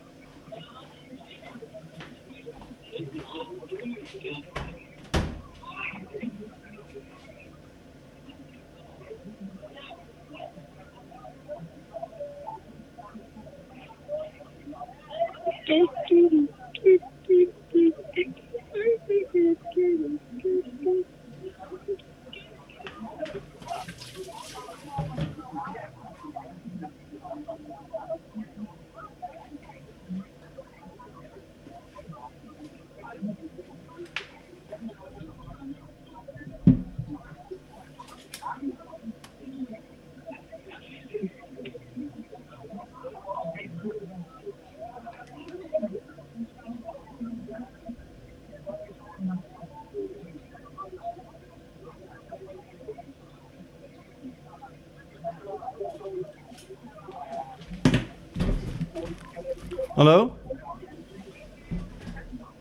Ben je er nog? Tommy? Hey. Hé hey, ja, ik was even aan het checken, want die ventilatie in mijn huis gaat dus maar niet uit. Die is al een uur aan het lopen en hij stond maar op 10 minuten, dus ik, snap niet en ik weet niet hoe je dat uit moet zetten. Dus ja, Heb je er zit- last van? Ik, ik heb het nog niet gehoord hoor. Ja, joh. nee, maar je hoort het wel een klein beetje, maar ja, ik weet gewoon niet hoe ik het uit moet dat horen zetten. dat echt heel chill vinden. Ik krijg weer een nieuw mailtje betreffende eh, ontwikkelingen binnen de KVK. Oh, leuk. Veel als in. Mijn, contactpersoon die, de, die het doorspelen, geeft mij zojuist eh, een update. Mhm. Eh, staat... Zal ik het voorlezen? Ja, Dear all, this has been a tough week, which started with the sudden and unexpected publication Iets of an email with enclosed documents on Monday by um, Kanti. On Tuesday, I had a meeting with a great many students and members of staff to hear their concerns. I tried to answer the many questions that were raised by using the petition in as far as I didn't further break confidentiality that a situation as this requires. Since that was not entirely possible during the meeting, and because everybody was able to, dankjewel. Everybody was able to be present or has had partial information. I have written this memo. I will not try to convince you that the university is right, but there is serious conflict with Ranti Chan, and the court will have to take a decision. If we can't come to terms with Ranti Chan on the termination of his employment contract, below I will try to provide you with some background and context so that you are better informed and able to form your own opinion or questions. Governance. Kan ik doorgaan? ja, maar je bent niet zo heel goed te horen. Je moet iets eh, harder praten. Oh, dan moet ik hem misschien. Zo is Ja, zie je, beter. dan moet, dan moet ik hem op luidspreker zetten, maar dan eh, hoor je de rest ook goed. Oh ja, nee, dat hoeft niet. Is dit lawaaierig? Ja, Oké, wacht. Ik doe het. En zo beter? ja, veel beter. Hè? Veel beter. Oké, dan, blast ik- dan praat ik gewoon heel hard erin. Mm. governance. As a necessary part of a public institution, it's not ordinarily something that is in the eye of staff and students. It works in the background, and if it works well, it's not noticed or considered something of particular relevance in the day to day business. When it doesn't work well, it is dissatisfier, and opinions as to what is needed can vary or get heated. The different types of governance all have their advantages and disadvantages. The choice that is made depends on, among other things, the nature of the institution, its volume and complexity, its historical roots. Since 1990, when KBK and KC became part of the University of Arts, there has been a structure with two board members, who at the same time were the directors of two faculties. With the events of 2020 and 2021, it became evident that the governance structure led to interest, intransparencies as to decision making procedures and checks and balances within the management of university as a whole and the faculties. Oh, die hele, ik hoor vaak die term checks and balances. Mm. Dat heb ik vaker gehoord de afgelopen weken. Ja. vind ik echt een hele vage. eh, anyway, ik ga eens even verder. Volg je het nog? ja, ja. Oké. Checks and balances. Basically, a decision of a director could be approved by the same person as a board member. Signals from respondents to the 2021 KBK Culture Survey by Bezemer and Schubab, the departure of the KBK chairman faculty director, suggestions from the University Council and staff consultations, and the supervisory board's own findings prompted the supervisory board to evaluate the university's governance model. The evaluation led to the unbundling of dual function of board member faculty director. The decision was made by the then supervisory board to create a one headed board within the top management structure with the faculty directors KBK and KC and their heads HR and finance control to make sure that no sole decisions were taken. This was done in order to make sure that the imperfections in the previous model were solved. That is to say, a management team in charge that takes decisions as a team, with the chair acting as a chairperson in that management team. This proposed structure was presented together with an explanation to the reason for this as to the reason for this choice. It was discussed several times in 21 in the then University Council, who represented both staff and students, and was finally approved by the UC unanimously and enthusiastically, and was published in the university at the end of 21. The next step was to find a new director for KBK. A profile was set up, a careful procedure was put in place, and a sound search for the new director began. Within the procedure, it was made explicitly clear that the new director was going to work in a structure with a one headed board within the framework of a management team, where collective decisions were taken. The new director, therefore, knew that if he accepted this position and signed a contract to that effect, he would be part of that governance structure, bound by it, and had a defined task within it. This was finalized in June of 22 when Ranti Chan started his job. Then the search for the new chairperson started. Again, a careful procedure was started for a chairperson who would have the assignment in, to introduce and make work the new governance structure. One of the new one of the two selection committees had the new director as a member. In the end, there was unanimous approval of both committees. For my appointment as per 22 August of 2022.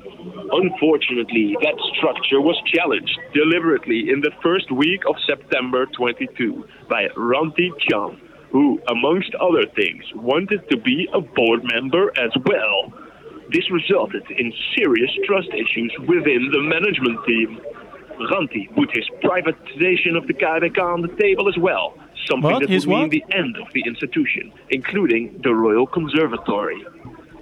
This then became a very serious matter of discussions with the director, who effectively did not accept his own position in the current structure, which would, by definition, lead to a serious conflict if he would re- not reject his own ambitions. However, Ranti Chan continued to take the same position, wanted to be part of a three headed board, and suggested privatization of the KBK.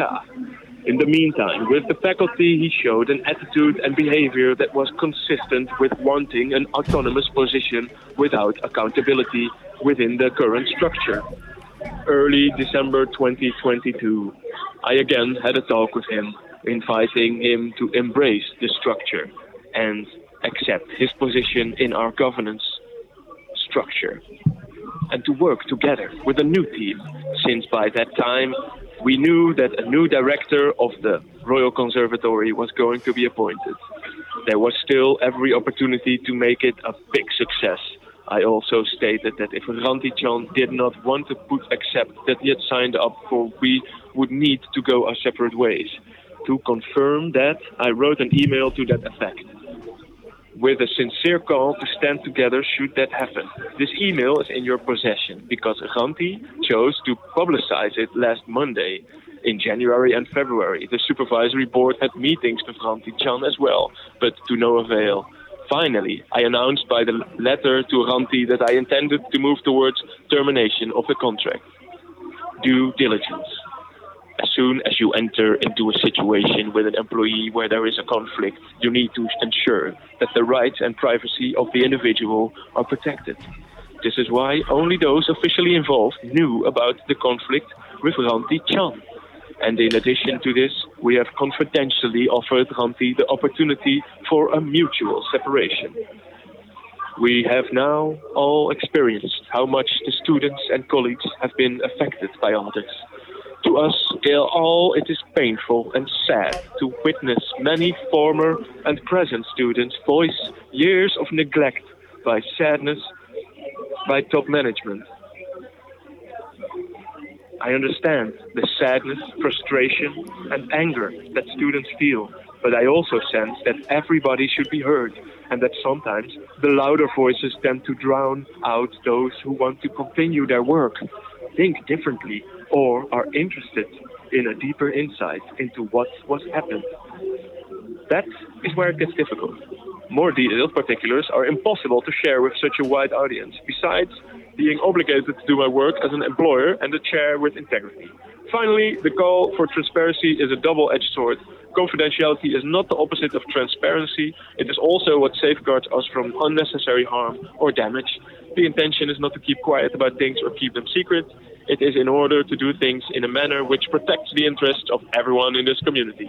I hope that with this brief clarification, you have been provided with more information as to the situation that has arisen. Of course, I am always willing to discuss this further. Next week will again be challenging. Please do what you can to help vital processes along in a positive manner. Regards, Huug Chair.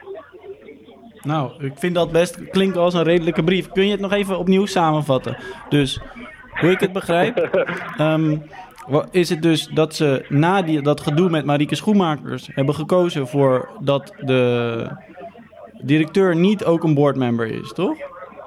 Begrijp ik Ja, dat ze goed? hebben daar toen dat onderzoeksbureau ingezet en ze hebben er allemaal onderzoek naar gedaan, omdat die hele school, weet je wel, waarom komt, Ja. want het komt natuurlijk door het artikel van Anderweg Ja. en eh, andere gevallen en dan waarom kan dat soort dingen gebeuren binnen deze school, weet je wel, en hoe ze, en toen kwam dus die machtsstructuren naar boven, weet ik veel. Ja, en- en- Maar ja, Marieke was gewoon een, Marieke was gewoon een, was ook gewoon een beetje een eh, slechte director. Ja, die. Is gewoon, die is gewoon eruit genaaid. En toen hebben ze dus dit plan opgesteld. En volgens mij, ja, zoals ik eigenlijk in het begin al zei, wat ik dacht dat het was, is dat ze dus hem aangenomen hadden op basis van dat. En dat hij toen met meteen die dat niet wilde. Dubbele agenda. Hij had een dubbele agenda. Ja. En eh, misschien, ja, waarschijnlijk hebben ze allemaal het beste voor met zo'n plek. Ik geloof wel dat het gewoon, maar het is gewoon slangenkuil shit. Ja. Maar ja, Ranti denkt dat als hij gewoon... Dit is gewoon een nucleair plan, weet je wel. Hij heeft het gewoon volgens mij een beetje semi voorbereid laten escaleren. En dan gewoon de hele school studenten met zich mee te krijgen. In de hoop dat die, die wave hem zou kunnen helpen. En dat die wave, die energie van al die protesterende studenten... Dus een soort van...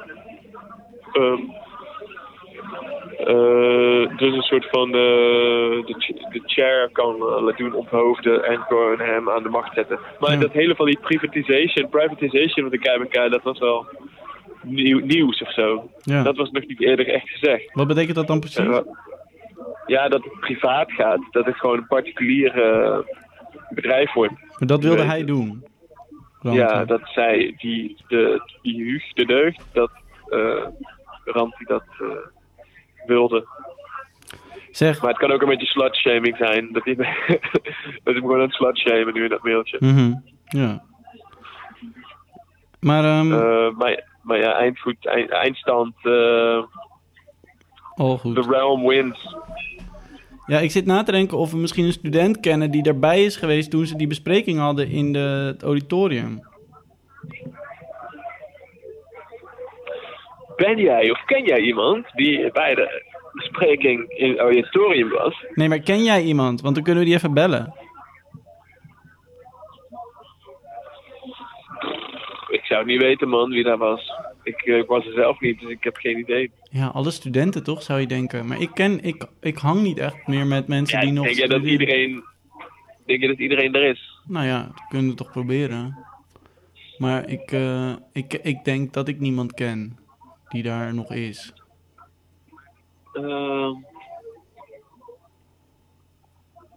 ja, wie zou daar dan... Misschien, i- misschien, eh, misschien, eh, fuck, hoe heet hij ook alweer? Die Russische gast, die doet nu... Shit, oh, ik heb hem per ongeluk opgehangen. Eh, op, terugbellen.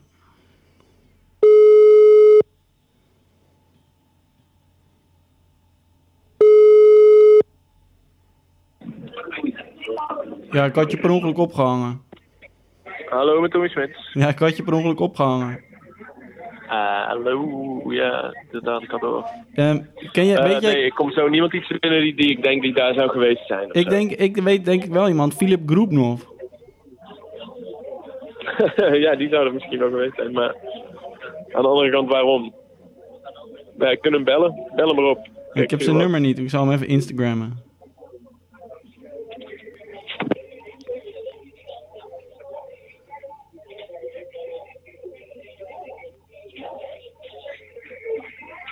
Ehm, verder nog leuke, eh, leuke dingen in jouw hoofd, eh, die nu op het moment rondgaan in jouw hoofd, eh, Jan Dirk? Ehm, ja, Eén seconde hoor.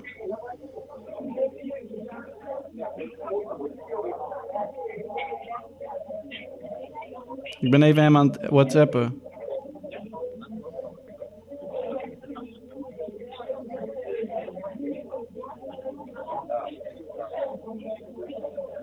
Ik heb een hele vette podcast gevonden die je moet luisteren. Eh By Jackie. Jewelry podcast. Oh, klinkt goed. Ja, is heel vet. By Jackie Juwelen. By Jackie. Oh ja, ja, juwelen. Juwelen. Oh ja, ik zie het al. Vet, Ja. oké. Echt heel gaande. Mm. Ja, ik heb nog iets leuks. Ehm, maar nou, dit is, ik weet niet of het een heel interessant verhaal is. Maar ik heb die, eh, die enige eh, Triangle of Sadness gezien. Heb je die al gezien? Welke? Triangle of Sadness? Nee. Oh, nou ja, laat maar. De, ik dacht, die zal je wel gezien hebben. Maar dat is, zo, dat is de nieuwe film van diezelfde regisseur als The Square. Heb jij vroeger The Square gezien? Nee. Oh, nou, ja, dat eh, valt Ja. wel mee. Maar dat Ja. was dus weer een kutfilm. Nee. Maar eh, ja, dat maakt niet uit. Nou, eh, ik kan je wel zeggen, Dat was ik kan niet gewoon... wachten tot we weer eh, in, een, in een echte kamer met jou zitten te bespreken. Want dit, dit is een beetje gek via de telefoon. Ik vind het ook wel leuk hoor. Ik zit er nu wel lekker in. Ja, dat is ook zo. Het, het heeft ook alweer wat. Ik ben ook benieuwd hoe het, eh, hoe het klinkt. Ja, ik heb dus eindelijk uitgevogeld hoe je die fucking ehm, eh, eh, eh, afzuiging uitzet. En dat is knop nummer 1 op de... Op de... Ja, dat had je nooit geraden. Ja, ik had, want Nicky woont naast mij toch, dus ik had haar even geappt. Om te vragen of zij dat wist. Goeie. Hm. Ik wil een motorrijbewijs. Ik zit heel na te denken over dat ik een motor wil. Vond je dat eerste rijbewijs nou niet genoeg gedoe? ja, sick hè?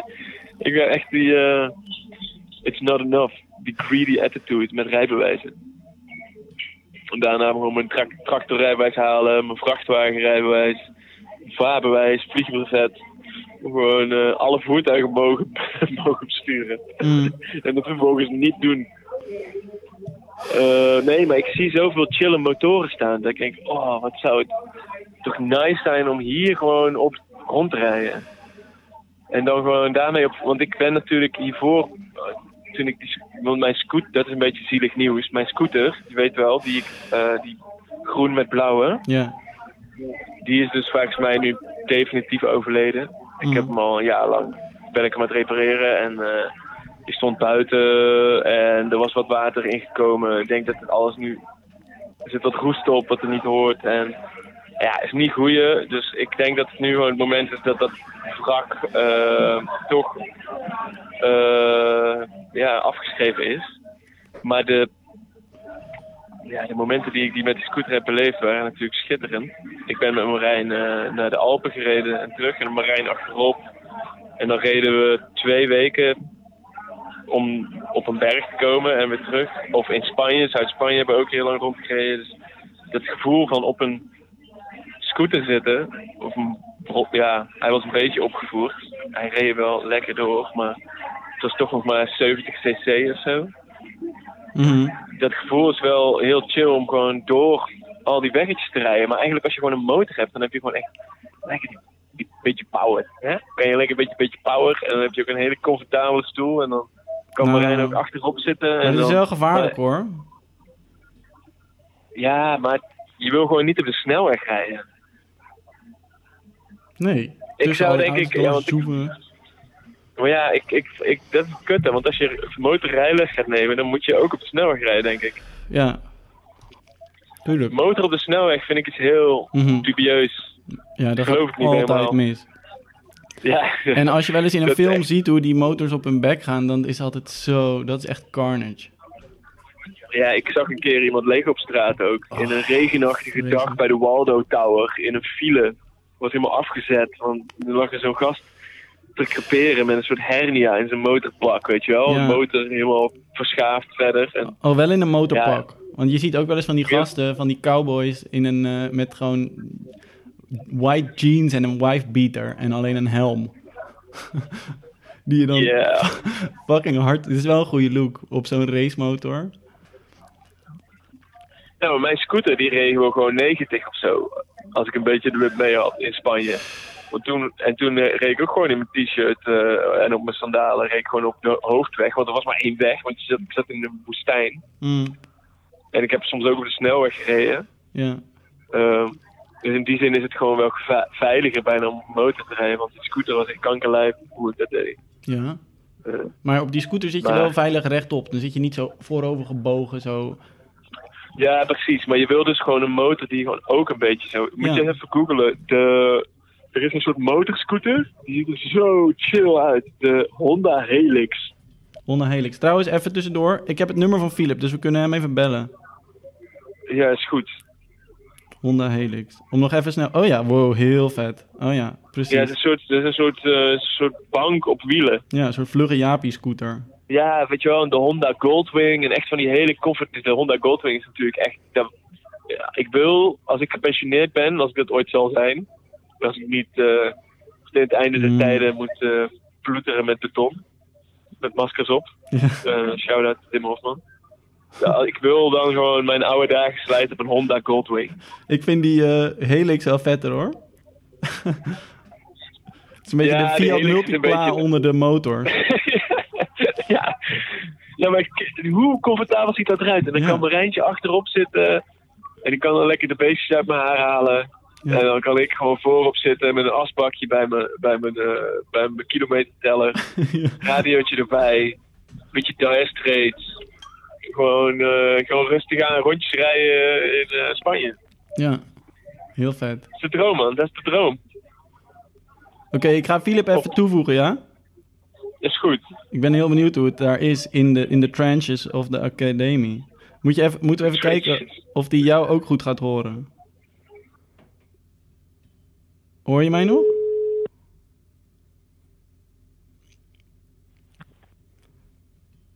Hey Philip. Hello. Hello. Hey, uh, how are you?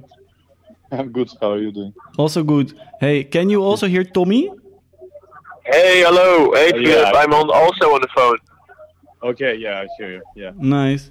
Yeah, we were talking about the, the drama in the KBK and we wanted Yeah, to have yeah. an inside perspective. Yeah. Sure.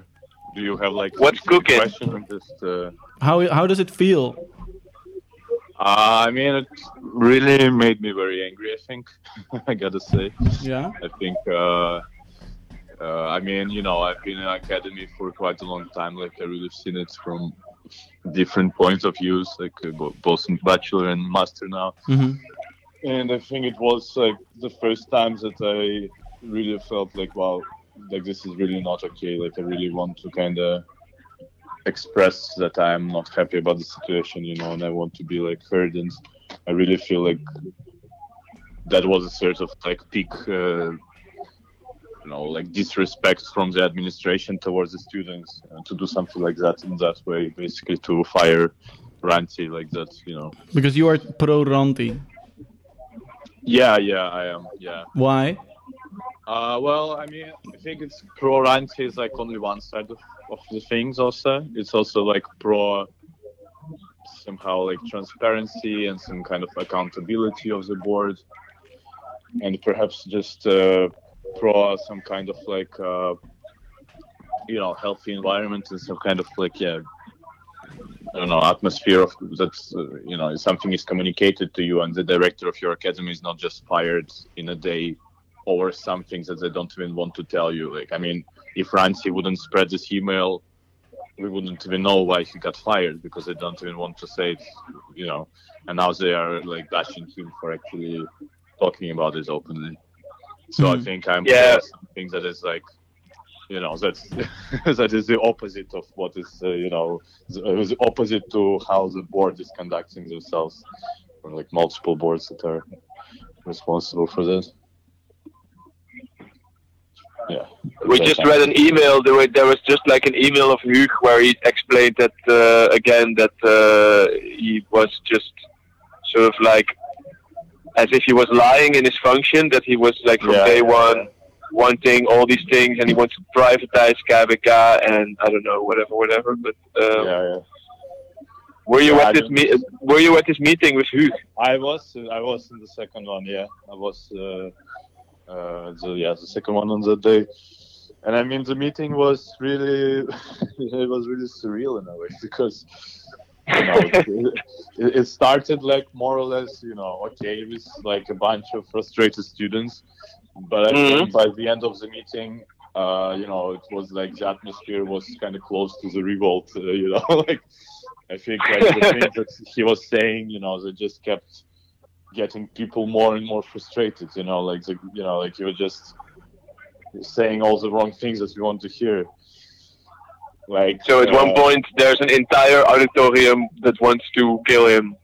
I think so. I mean, I really felt like it. You know, actually, after the first meeting, like you know, when when the first meeting ended, and I I was just standing in the academy in the corridor, I could see people leaving like in groups. You know, like people just leaving from auditorium, and each group like separately had like these frustrated people kind of waving their arms around. And I couldn't hear what they were talking about specifically, but I just saw this energy kind of flow through the corridors Wow. you know, it was really interesting to see. And then I was on the second meeting, and then when I was leaving, everyone was again like, leaving with this energy. Like everyone was just super frustrated and talking like, "What? What? This is not okay." You know, like this just. Was there any booing? Did Huug get booed?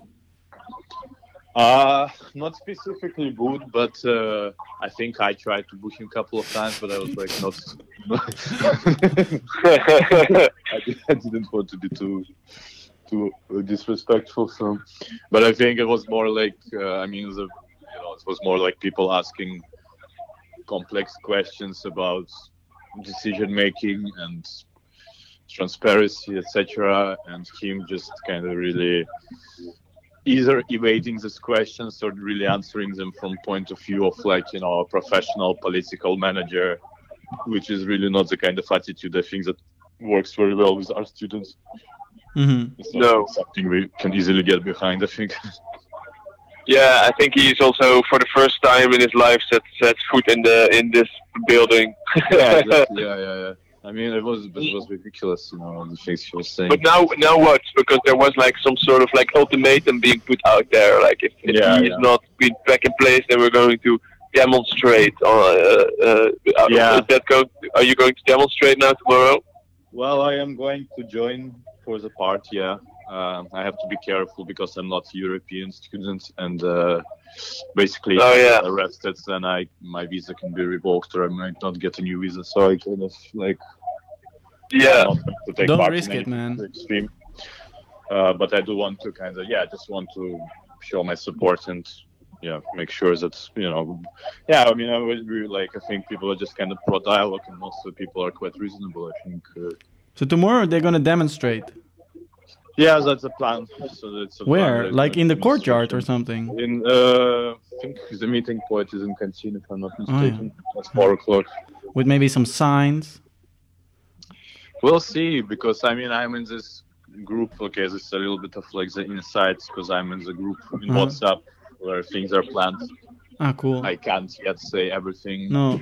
about what's what's being planned, but I mean, let's just say some people are quite motivated and are quite serious about you know just really not not letting it uh, not not letting it slip away and you know, Mm. not not letting us get distracted by yeah like this last message for example from Putin.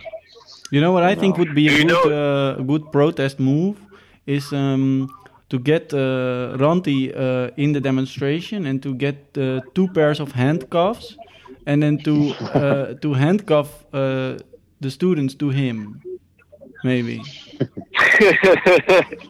Yeah, Nice, nice. I might might might put that out a little bit. I do see Ryan. Do you know? Do you know people in? The, Yeah. sorry, sorry, I interrupted. No, do you know people in the DMR? No, I don't know them actually, not at all. I think. No. Yeah, because I wonder what's going on there because they have also then this this sort of letter and everybody is sending these letters. Everybody Yeah, is yeah. writing open letters. Yeah. and, uh, but I don't really know exactly what's uh, what's like the. But probably yeah, they they're seem bought, no? More like not clear. Let's say. say. no, well, I mean, I thought their letter was actually very uh, of all the open letters I read, it was very uh, clear. uh, and uh, well uh, well written. Right. I don't actually remember which letter you're which letter you're talking about because I. It's like Yeah, yesterday or something. Oh yeah. What did they say? But Yesterday, and the it- one like signed by the heads of departments also, or a different one? No, no, no. That's like the one that's. Oh wait, that was maybe yesterday. Yeah. Uh, no, it was the one by the DMR that ended with like they expressed their concerns why they are being informed about this situation so late in the Ah, process. Yeah, right. Yeah, right. I think I maybe missed this one. You right. Yeah. Yeah. Okay. So that's like kind of. Yeah. I mean, that's like a really valid point. I would say. I mean, in a way, Yeah. if Ranti or Hugo is right, I don't know who is right. Uh, no one is Yeah. right, but they're like the this whole student council is a bit of a Yeah. farce if they're not if they're not like sort of like part of this uh, Mm. talk uh, yeah, in a yeah. Yeah, but uh, but that was also the thing about the conversation with Hook, like on Tuesday, like this conversation with students. You know, I mean, everything she said, everything was um, pointed towards how much students are not involved and how much they should not be involved in the process. I mean, that was basically one of his main uh, principles that you know he wasn't even hiding it so much. He was just trying to wrap it in some like a little bit of sugarcoat. But I mean, you know, he was constantly reminding us that yeah, this is not how decisions made, and you know, like we don't basically saying that yeah, like they don't want to actually have students influence this process. Like he's very open about his position on that thing. Um, Like, Philip, can I ask yeah, a but question that's about this? what it was, you know, Um, like, uh, him telling us that, you know, like, yeah, guys, like, you know, it's good for you, like, trust me, it's good. I think that's why some peop people are like so frustrated because it was just him trying to tell us why we should be happy about this. But Oh, Philip, that sounds so horrible. no, but I have a Yeah, question but- about this. yeah, it Um, doesn't work like that, you know. but you Philip, go to like audience of hundred angry people and just try to tell them they should not be angry, but they should be happy instead. You know, like Yeah, like I know what I am doing. You don't need to be involved. I, I uh, it's better you know nothing about it. yeah, basically. Like, yeah, I understand you're frustrated, but you know, but it's still good for you. Like, well, bro, no. You know, but um, it's not good. Philip, um, because Yeah.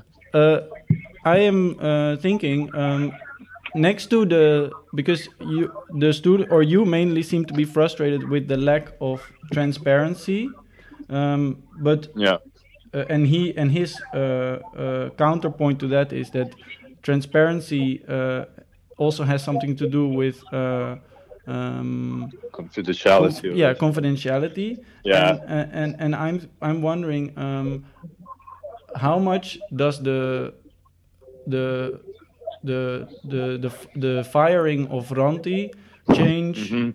uh, the experience of the students at the academy Hmm. Yeah, I think it's. I mean, it's just. It's incredibly frustrating because I feel like finally there was some kind of nice atmosphere being built since the Rancy came to the office, and you know, like some type Yeah. of sense of security. That's okay. There are problems, but I feel like they're being slowly tackled. So there is a kind of like a, um, you know, like a kind of uh, positive progress. Uh, you know, there is some kind of improvement happening. That you know, that is like it's nice to feel it, even if it's small at times and slow. So you felt like he had a positive influence Yeah, yeah, yeah. I feel like that, and then you know, then then you know, okay, this person is fired, and uh, we don't really know why exactly because he didn't agree with something with someone else. Blah blah blah. What is gonna be now? We don't know, but we promise you everything's gonna be cool. But what does cool mean? You know, nothing specific. Well because You know, it's they like, say yeah, trust me, bro. Like, you know, it's gonna be great. Like, uh, okay, no, I don't. You know, like, why should I trust you? And like, you, Mm. you are new here. You're like, he was in KPK even less than Rancy. I think that's also what kind of, oh yeah kind of like, Yeah, he's just there for half a year now. yeah, exactly. And he already made such like decision. I mean, you know, he also did this He's reading. talking like he's been there for eight years. Yeah, exactly. Like you know, as if he was some kind of art expert. I don't know, like some But why, why I do you mean, you know, think? uh, why do you yeah. think that he? Uh, why do you think he wants to fire Ranti? I mean, from what he said in the meetings, which I think I wonder if he's gonna backtrack from it or not. But in the meetings, like for me, how I heard it, the essence was that there was a disagreement about the structure, so that Ranchi wanted to create a three-person board, and that was it. So that was it. Basically, he said that he lost trust in Ranchi hmm because Ranchi wanted to change the board. So basically, Ranchi wanted to for this guy to not have as much power as he does now, and that disagreement was so deep for Hook that he decided that the best case scenario, like the best way out of it, is just to fire Ranchi. Yeah, yeah. Because what like, what Hug said in the letter that we just read, as I understood, Yeah. if I understood it correctly, was that there used to be that the the director of the academy and the director Yeah, of the yeah. of the of the conservatory are both members of the board. But then when Marike Schoenmakers got fired after the Julian Anderweg uh, controversy, um, they decided not to have that structure anymore. Um. And then uh, Ranti knew that when he was hired. And then as soon as he got hired, he started to try to change that structure. yeah. I mean, I can't speak of exactly like kind of legal obligations that his contract states for situations like this. I mean, from what I understood from his point of view, it was also, you know, it was like a conversation about potentially changing something. Mhm. I mean, it's not necessarily like him say. I mean, he still was doing his job as a director within the current structure, but I think he, like, yeah, he had an ambition to change it, and he was proposing a three-person structure, so he would still keep the hook Mhm. and just also two heads of the academy and conservatory. To put them back uh, in.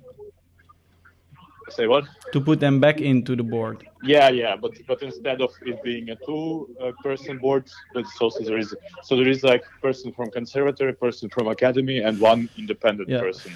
Yeah. Which sounds quite reasonable to yeah, me, you know, just from the to sound of too. it. Yeah, yeah, yeah. Hey, and what do you think Hug should do uh, instead of firing Ranti? I mean, like back then or now. Now, like as the situation is now, how should he solve? What is the possibility? I mean, I think the best would like the best case scenario for me at least it would be like to to bring Rancy back to create like some kind of conversation where Rancy can speak.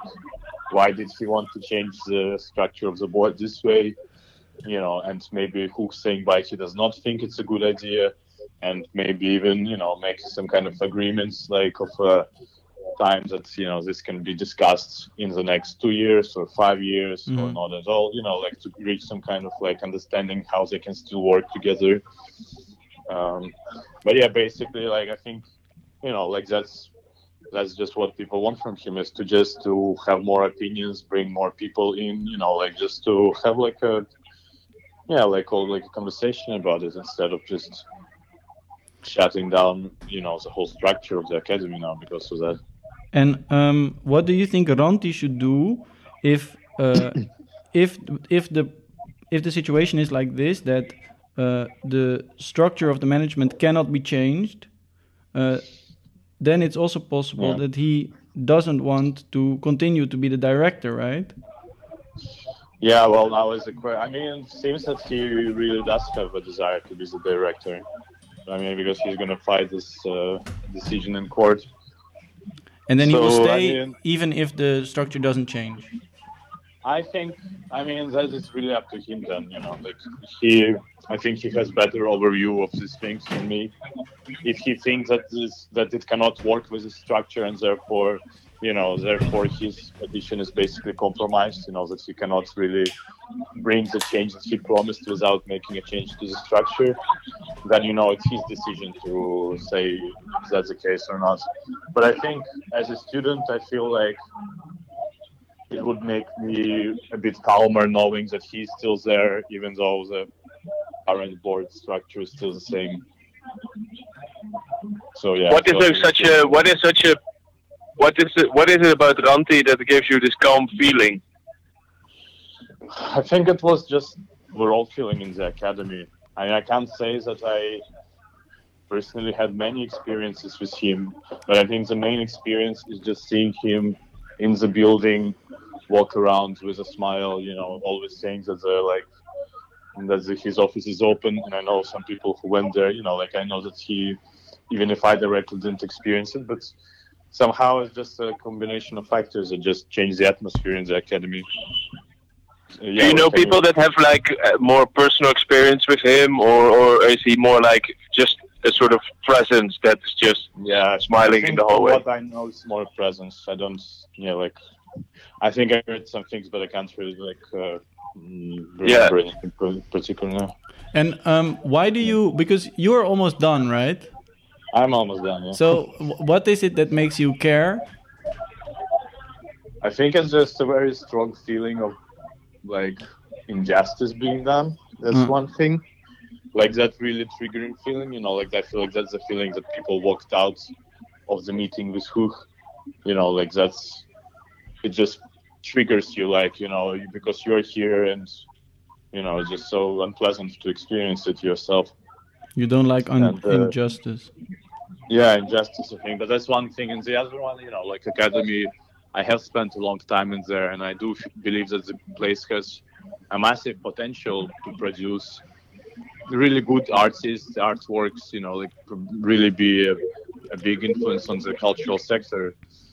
And to know that it's going through such a turmoil and that there are still people there who are like halting the process or progress, like who, I mean, you know, it's just it's just sad because I really do believe like it's a big potential, you know, with all the international people and the kind of yeah, like the kind of environment that is there.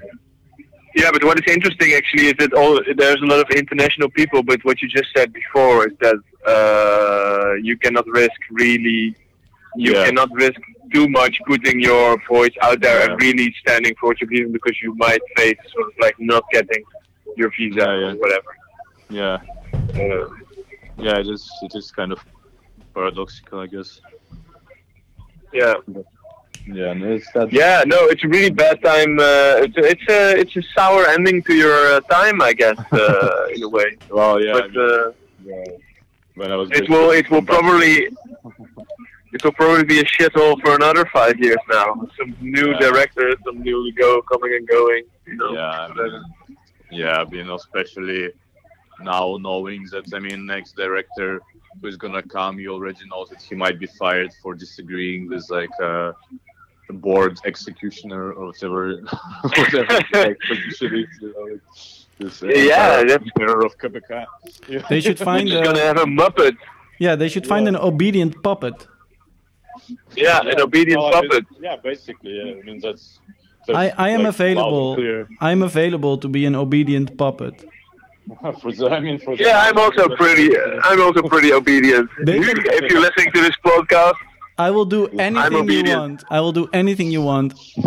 you say it and I will do it. You pull Well, the rope and my hand you know, I think they're gonna be looking soon, so, Yeah. so, you know, But you Philip, have um, affiliation already, so you have experience. So how I it? Um, how is it going uh, with you uh, outside of this uh, controversy, uh, with uh, outside Yeah. of this turmoil? Are you good? Yeah, yeah. I mean, working a lot on my graduation work and my thesis, and yeah, just kind of preparing to be done with this place. Do you feel like the the situation of last uh, of of this past uh, two weeks have been distracting you from your uh, work? Uh, a little bit, but I can't say. I mean, you know, I feel like I, no? I feel like since like last three years, it's been for me like protests in Belarus and war in Ukraine. I haven't really been back to Belarus for a year because I can't go back. So I don't know. There's already so many big things. I mean, this does seem like a big thing, but on a scale of, I think other things for me that still fades a little bit. I feel like I'm just No, so focused on goal now, and I can't let anything distract me too much. Like this. Yeah. So you've been you've become very good at not being distracted. Well, yeah, because I mean, if I start thinking about it, like if I really start going into all these things, then I'm gonna be very sad and won't be able to do anything. I mean, there are Yeah. there are unfortunately worse things happening at the moment than even that. You know, they're like, uh, yeah, like in Ukraine, like in my border country, people are dying by the thousands every day, and Yeah. for nothing. So that, Let us let us not forget. yeah, exactly. Uh, it's much. I mean, it's still for me much more serious than any director of KBK. Mhm. Even though both things, of course, have their own validity and their own, you know, respectful manners. Uh, well, I mean, in the end, Kabaka is just a little school somewhere. uh, so you're right. important, you know. But I mean, I do think that you know, it's, but it's because also you know it gives. I mean, for me as a person for Belarus, it also gave me, you know, space and some kind of knowledge and you know to express myself to learn something. So it, I do appreciate it also in that sense. You know, it's even with more serious things going on. Like I think that's exactly why it is important to also keep places like KBK alive and well they really Yeah. have this importance for people from coming from non-EU, coming from these more like troubled regions where you know I couldn't do the same thing in Belarus. Like, so Yeah, definitely. yeah. Yeah. So yeah, but hey, let's see. Yeah. Nice. Well, thank you, Philip. Thanks for shedding some light Yeah. on this uh, on this problem. Uh, Yeah, And we wish you uh, all the best. And we, we wish Thank you. Uh, some peace and quiet. Yeah, yeah. Yeah, and, and, and if you're there tomorrow, uh, say uh, say hi to them from us. okay, Yeah. sure. Say that we all, we are also there in spirit, Yeah, yeah. Sure. I think uh, people. but don't say it too loud No. because the police might. Uh, you know. Yeah, yeah, yeah. I will say Tommy Jan Dirk uh, address. They've been very welcome. Exciting product. Yeah. No. Alright, but, uh, good. good. yeah. Thanks, Nice. thanks for your uh, thanks for your in, in, insight on Yeah, this situation, and uh, we'll see each Yeah. other. Uh, we'll see each other again. Yeah, yeah, definitely. Thank you guys for letting me vent a little bit. Nice. That was nice. Yeah, have a good one and uh, let me know when the podcast is out. Yeah, we will. We will. We will text you. Nice. Have a nice cool. evening. All right. Ciao, Hey. Philip. Ciao, ciao. Houdoe. Doei, doei. Ciao. Bye bye. Hij, is, eh, hij, is, eh, hij heeft opgehangen. Ja, ik wou zeggen, want ik kan niet ophangen. Want Nee, ik dan, ook niet. eh, Dan hang ik alles op. ik had bijna de neiging om zelf op te hangen. Maar dan, dan ben ik natuurlijk opgehangen. Ja, oké. maar ik nu... ja, dat was wel goed om even een inside perspective te horen.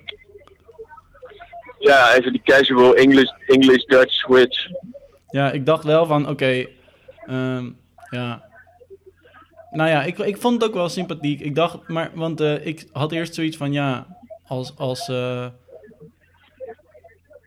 ja, ik vond het eigenlijk juist wel leuk dat hij zei van, dat eigenlijk het enige wat, waarom hij echt zo pro-Ranti is, omdat, is omdat die man een fijne sfeer in de school brengt of zo. Nou ja, Ja, vond ik ook leuk. En dat zeg maar eigenlijk niemand, hij niet of andere mensen ook niet echt per se een persoonlijke of echt een anekdote hebben waarom dat dan zo is. Maar gewoon, het is gewoon, het is gewoon, het is gewoon fijn dat hij er is. ja, nou ja, oké. Het klinkt als een soort van een soort vaderlijk figuur dan of zo. Ja, een soort ja. oudere figuur die dan een beetje jouw geruststellend gevoel geeft. Hij is die stewardess. Hij is die goed verzorgde stewardess in dat vliegtuig, waardoor jij niet denkt dat het neer gaat storten. Ja, wauw, precies, ja. Goeie. Maar hij heeft ook wel gewoon gelijk dat eh, al die, al die kanker-BK-directeuren die een beetje een wedstrijdje verkoos aan het doen zijn, weegt natuurlijk niet op met gewoon dat het nog steeds oorlog is in, Oosten, in het oosten. Ja, tu- ja tuurlijk. Ja, maar ja, ja oké.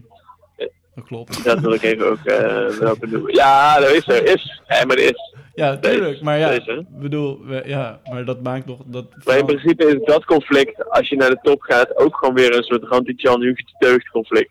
Maar dan op een soort geopolitieke schaal. Hoezo dan? Nou, er staan ook weer twee bokkige mensen aan boven, boven die gewoon niet willen budgen en gewoon eh, allemaal gelijk. Iedereen heeft gelijk en niemand zegt sorry. Ja. En eh, dat, ja, twee koppige mannetjes. En Ja. of het nou op een eh, kunstacademie is in Den Haag of op het geopolitieke wereldtoneel, maakt het flikker uit. Het is allemaal hetzelfde kutgedrag. Maar ehm, in het conflict van Oekraïne, eh, wie is dan Ranti en wie is dan Huug? Vladimir Poetin en Joe Biden. Ik heb toch wel echt. Ik zou niet willen zeggen dat Poetin Ranti is, maar ik heb wel sterke Joe Biden nu vibe. Toch? Dat sowieso. Maar nee, Ranti is gewoon Zelensky. Dat moet duidelijk zijn. Ja, oké, dus dan zijn er twee mensen zijn Huug, Biden en Poetin.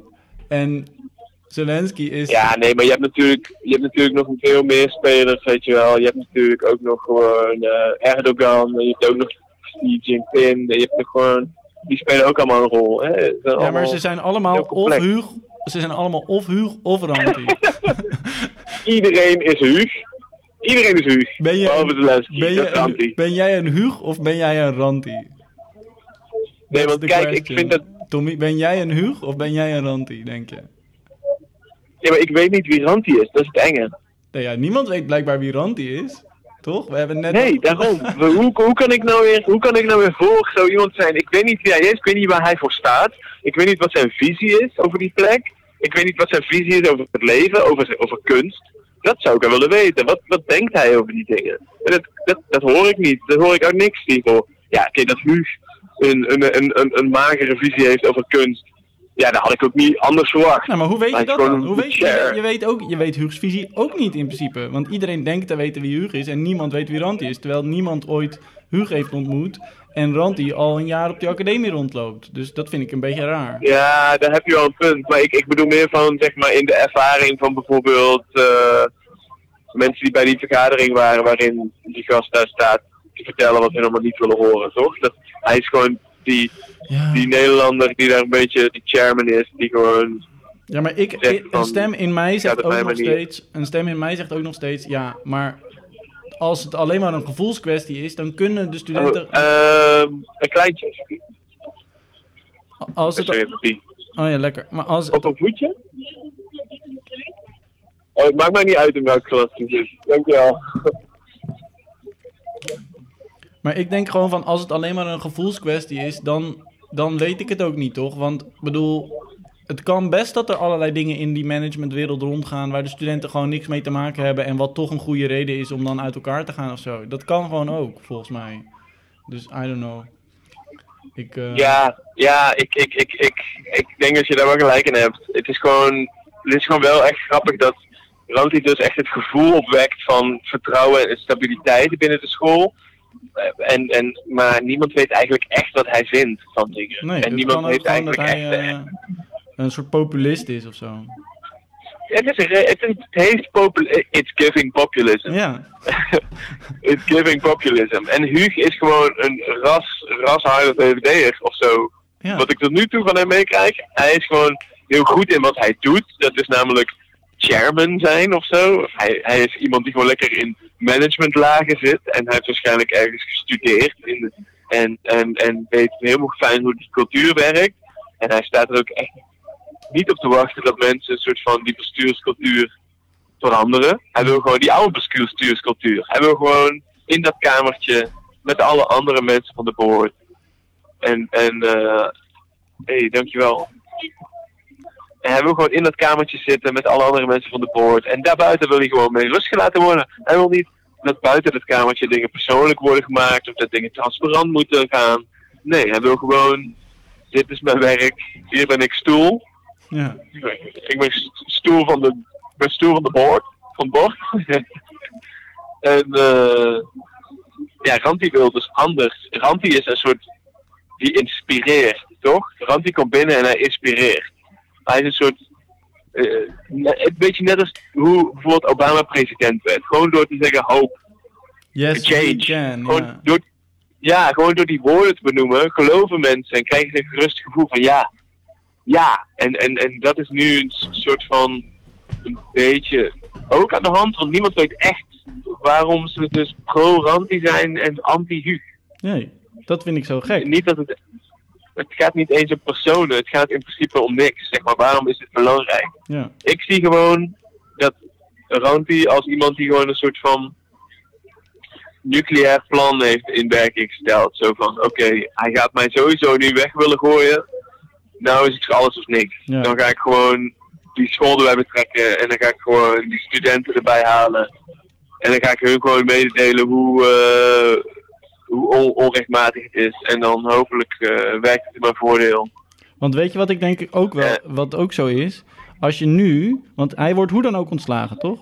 Ehm, daar kunnen we van uitgaan. Dus, maar als je in het klimaat zoals het nu is, ontslagen wordt zonder toeters en Ja, er is bellen. nog een kans dat alle andere hoofden van al die afdelingen dus gewoon ook weggaan. En dat uiteindelijk alleen maar Ranti over is. Die Ja. kans is er nog. Ja, maar goed. Als je nu wordt on- ontslagen zonder toeters of bellen, en eh, dan, Ja. dan krijg je natuurlijk ook niet zo makkelijk weer een nieuwe baan. Als je, eh, dat is, staat niet zo goed op je cv als je ontslagen bent. Terwijl, als je ontslagen bent, maar alle studenten schreeuwen dat je moet blijven, dan is het een heel ander verhaal. Ja, want dan heb je nog in ieder geval laten weten dat je je karakter nog iets waard is. Nee, dan heb je laten zien dat alle studenten willen dat je blijft. En tegenwoordig, in die bestuurscultuur, in ieder geval in de culturele sector, voor, naar mijn idee, is, de, is het heel belangrijk dat je, eh, dat je de. ehm, dat je heel populair bent bij de studenten. Dus dat laat hij dan zien. Misschien is het wel allemaal een exit-strategie van hem geweest. Ja, want op deze manier, gewoon- op deze manier wordt hij gewoon, Ja. bij, een, wordt hij gewoon bij een nieuwe, hippe instelling, die een beetje anti-establishment wil zijn, meteen weer aangenomen. Ja, Toch? Ja want hij heeft, eh, eh, ik bedoel, het staat meteen diezelfde dag dat dit uitkwam, stond dit op NRC. Ja. Alsof de NRC heeft een soort van gekke contactpersoon in de KBK. Ja, ja, die zitten is. diep in de KBK, de NRC. En ook met Robles M natuurlijk. En dit was allemaal gedeeld. En meteen zijn foto voorpagina. Ranti Chan, directeur, weigert ontslag. Situatie uitgelegd. Nou ja, wat, wat er nou van waar is, dat zal me wel. Maar ik denk dat dit, dit is inderdaad een lijpe exit-strategie. Ja. Want mensen weten gewoon nu dat hij dus daar weg is. En ze weten ook wat de reden is dat hij weg is. Want het is openbaar. Het staat in de krant. Of in ieder geval zijn versie daarvan. Of wat er dan ook van vrij is. Ja, staat in de krant. zijn, zijn versie van het verhaal gaat zo meteen zijn: ik ben te cool voor deze conservatieve instelling. Wie wil me nu? En dan willen natuurlijk alle mensen Ja. die zich ook te cool vinden voor die conservatieve instelling, willen hem dan natuurlijk gewoon hebben. Ja, dat is waar. En dat is ook best wel. Ja, stel je voor dat je dat niet had gedaan, dan, dan, dan, hoe gaat dat in zijn ontslagen. werk? Als je directeur. Ja, dan, dan, dan ben je dus directeur. Dus dan ga je naar weer een netwerkborrel met allemaal andere directeurs. En dan vragen ze weer van, oh, jij werkt nog bij KBK? Dan zeg ik, nee, nee, niet meer. Nee, weet je wel, dan moet je dat uitleggen dat je daar dus niet werkt. En dan moet je dat uitleggen aan mensen. Maar dat hoeft hij dus niet meer te doen, want het is gewoon allemaal in de krant geschreven. Ja, plus als je, als, je, als je normaal gesproken ergens wordt ontslagen, dan staat dat gewoon niet zo goed op je cv. Terwijl als je wordt ontslagen terwijl alle studenten schreeuwen dat je moet blijven, dan staat dat helemaal niet zo slecht op je cv. Dan, Hoe staat dat op je cv dan? nou ja, want dan, nou ja, want dan, dan Alle studenten. Nee, maar dat, want dat Hoe weet, zet dat je dat op je cv dat alle studenten juichten? nee, maar dat weet iedereen. Dus dat hoef je niet op je cv te zetten. Maar dan krijgt die ontslag, eh, eh, dan krijgt het ontslag op je cv een hele andere betekenis, toch? Dan, eh, dan is het gewoon alle, Ja, precies. alle instituten die cooler willen zijn dan de KBK, die vinden, zien dat ontslag dan als iets cools. Dus nou ja, dan, dan ben je gewoon alright. Ja, dat is wel waar. En wat ook waar is, is dat de mensen die dus bijvoorbeeld pro-Hug zijn en gewoon helemaal zoiets hebben van eh, die rand die ik hoef er niks mee. Ik ga hem niet eh, met hem werken. Nou ja, dat is prima, want je wil ook niet met hem werken. Want hun zijn duidelijk niet van dezelfde soort van. Je wil gewoon met soortgelijke mensen verder werken. Dus het is een soort exit-strategie om soortgelijke te vinden. Ja, Vind ik best wel een eh, goede, goede, goede conclusie van deze situatie. ja. Klinkt eigenlijk als het meest logische. Good riddance, Ranti. Good riddance. Maar ik snap niet dat hij die 70k had laten liggen. Ja, ik ook Want niet. 70k Nou, maar hij verdient, veel geld. ja, maar maar hij verdient waarschijnlijk ook wel veel per jaar, toch? Hij is directeur van de academie. Ik bedoel, ik denk dat hij, als hij nog een jaar blijft zitten, dat hij meer verdient. Ik mag het hopen dat hij veel verdient. Want als jij elke dag door die school moet lopen en een vertrouwd gevoel moet uitstralen aan die studenten, gewoon lachen, nou, dan verdient hij een hele hoop centjes. Kan ik je wel zeggen. Ja. En dat leuke ronde brilletje, dat moet ook iedere, ieder half jaar vervangen worden. Nou, hij heeft wel het EKWC natuurlijk helemaal omhoog gepompt. Ja, ik, heb nog, ik, heb, ik weet eigenlijk maar één ding over hem. Verder weet ik helemaal niks over hem. Het enige wat ik weet is dat ik eh, gossip had gehoord. Dat, als je, dat er iemand was die bij het EKWC, die via het EKWC een tentoonstelling in het buitenland had. En eh, keramiek had, Ja. had laten opsturen via, onder verantwoordelijkheid van het EKWC. En dat was allemaal gebroken teruggekomen. Dus had hij gezegd, ja, Wat? ja, dus had hij tegen het EKWC gezegd, dan had diegene tegen het EKWC gezegd, ja, dat moet voorgoed. En daar ging Ranti toch wel een beetje moeilijk over doen. Dat is het enige wat ik over hem weet. Dus dat is iets negatiefs, maar ja, het kan, het, we weten er het fijne niet van. Ja, ik heb ook wel eens nog van mensen hier en daar wat dingen gehoord die wel hebben gesproken. Die, maar ik, klonk ook niet helemaal als echt iemand die echt aan de goede kant stond. Het klonk een beetje een cynische iemand. Ja. Hij is not on the art side. Misschien was hij bij eh, EKWC dan juist weer een Huug. Misschien wel, wie weet. Ehm, Want jij ja, waar is Jack eigenlijk? Jack. Bring back Jack. Wie is Jack? Die directeur. Toen, toen ik begon. Die heb ik Toen nog- was jij zeker nog niet. Ik ben echt een uh, Marieke Jack. Schoenmaker kid. Jij bent 100% Marieke. Ja, Ja. nee. Voor Marieke was Jacker. Dat was zeg maar de, de golden age. Oh ja. De gouden eeuw van KBK. Ja, jammer dat die weg is dan. Ja, ik ben benieuwd Ja, hoe het Marieke eh, Schoenmakers gaat. Ja, dan zit je daarna met Marieke Schoenmaker is gewoon echt een manager. En Jack was gewoon een, eh, zeg je dat? Een ideoloog. Ja. Of de dat good wat je guy. nodig hebt op zo'n plek. Oh ja. Good guy, ja. Maar eh, ja, Marieke, come on the pod. Please. Ik ben benieuwd wat mening van Marieke is. ja, ik heb haar wel eens ontmoet. Ik vond haar wel eh, onsympathiek. Ik had echt altijd een heel erg jeukend gevoel in mijn lichaam als ik haar zag. Echt een, eh, een angstaanjagend gevoel van... Ik heb een tijdje in Frankrijk gewoond en dat ik daar in Parijs heb gewerkt. Weet je wel, in, mensen in Frankrijk hebben heel erg zo die hiërarchie in hun. Ze houden heel erg van hiërarchie in, Mm. binnen bedrijven en, en zo heel erg ehm, zo'n zo'n baas van een bedrijf die door een fabriek loopt, weet je wel. Zo heel erg die, die verschillen in rang heel erg willen benadrukken. Ja. Niet anders dan in Nederland, want in Nederland willen we allemaal doen alsof alles een horizontale eh, ingerichte organisatie is.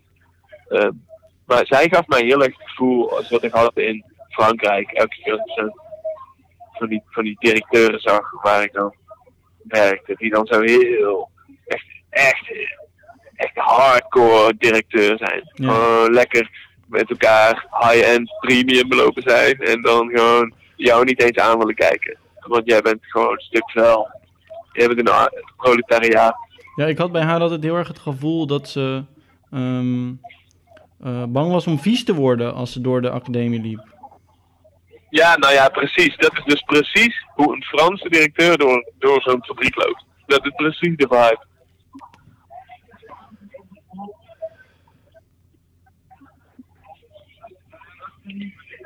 Ja, Marieke, ah.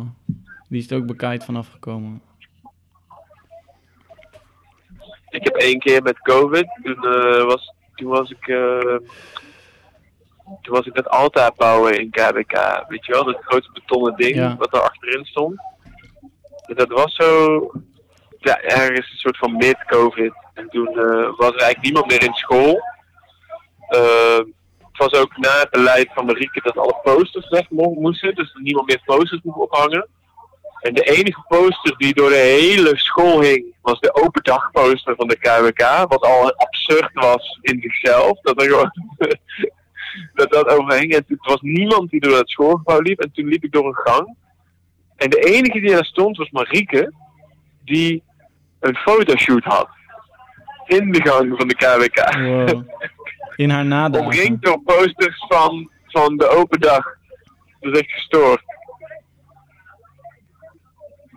Met een hele grote ketting, weet je wel? Die kettingen die ze droeg. Van die Ja, ja. dikke grote anal bead ketting. Statement, statement pieces. Echt statement piece. droeg Zij had, zij, had Ja, echt, die- zij had echt de stijl, de kledingstijl van de... Zeg maar, als je de, de meest gemiddelde... Zeg maar, als je een soort van gemiddelde moet nemen van de kledingstijl van bezoekers van Art Rotterdam op de VIP-opening. Dat is haar everyday outfit, zeg maar. Ja, het deed me ook wel altijd een beetje denken aan, eh aan Tinkerbell. Oh ja. Ja, ik weet niet zoveel van look Tinkerbell. Tinkerbell? Nee, maar ik heb haar wel een keer gezien. Ze heeft een beetje dezelfde, dezelfde swag. Oh ja. Eh, diezelfde swag, maar dan had Marieke dat. Met gemengd met een soort van... Ja, VPO-gids uit Rotterdam eh, bezoeker. ja. Ja. Waar die look Nou ja, ik vandaan komt, dat, ik eh, weet echt niet hoe die look is ontstaan. Kort haar, Nee, eh, statement pieces, eh, garen, wijde broeken of zo. Eh Issey Miyake heel veel. Heel raar, hele rare stijl. Ik zag op Art Rotterdam, eh, zag ik die oud-directeur van, eh, van graphic design. Hoe heet ze ook weer? Roosje Klap of zo? Ja. en die had dan een, een zwarte bomber en een zwarte Issey Miyake broek of zo. Of een zwarte, in ieder geval een zwarte broek. En dan had ze een neon, een neon oranje pet. Eh, en een neon oranje sjaal en een neon oranje tas. Gast, het is zo graphic design. Toen dacht ik, oh ja, dit is, Echt, ja. dit is echt... Jij bent echt die, boomer, Graphic. die, die graphic design boomer. Ja, graphic design. Eh nog een paar, paar kekke sportschoentjes eronder. Ja, ja, precies. Een soort van hele dure sneakers waarvan je het merk echt niet kunt ontcijferen. Zeg maar geen, Graphic design boomer. geen Nike's of zo, maar echt... Maar ik vind het dus balen, want ik heb het idee dat Marieke altijd een goede directeur had kunnen zijn. Ik had altijd echt het verlangen toen eh, was dat ik met haar kon communiceren, weet je wel. Maar ze bleef hangen altijd in die hiërarchische soort van zwijgzame modus. En eh, Volgens mij was hij een beetje een verlegen Als je persoon. zelf iets meer aan blijft verlegen. misschien is het vergelegen, dat kan ook. Ja, en, ik heb haar eh, eens, ik heb haar wel eens gesproken en ze is echt verlegen. Maar daar maar Marieke, alsnog ja, nou ja. Ja, precies, want ik zag haar altijd dus als evil. Ja, verlegen en Nou ja, evil. goed. Wat zou, ik, ik, ik, ik, zou graag Marieke spreken om te vragen wat zij nou vindt van dit, deze situatie. Ja, maar kijk, zij is iemand die volgens mij nooit even de trash gaat talken, weet je wel? Zij gaat volgens mij nooit dat doen. Volgens mij gaat ze nooit even lekker... Nu nog steeds niet. Ze is daar echt met... Ze is echt als een gehavend schip daar weggevaren. Maar Nou, ze heeft volgens mij die, die, die, die hypothetische 70.000 die eh Huug eh Rantie had geboden, heeft zij lekker met beide, benen, met beide armen benen aangenomen. ja, maar met die lifestyle, dat is echt in, in een week op. met die lifestyle. Wat doen we dan? Ja, Zetten ik- hun gewoon, eh dat wil jij echt niet weten. Dat wil je echt niet weten, maar hebben een hele goede dealer. waar dat aan op is gegaan, dat wil je echt niet weten. Ja, ik wil het wel weten. Waar is dat dan opgegaan? Ja, dat, dat, Die Samayaki broeken. Een hele hippe sneakertje.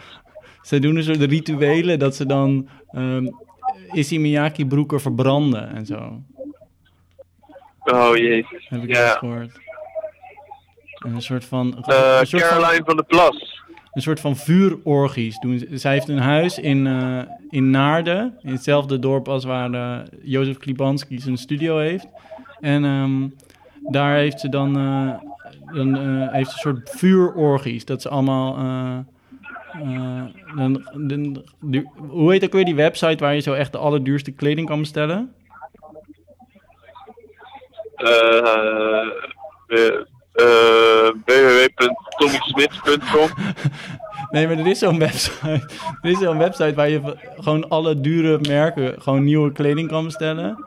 En daar doet ze dan gewoon echt, daar gooit ze echt tonnen tegenaan. En dan doen ze een soort van fashion verbrande orgieavonden.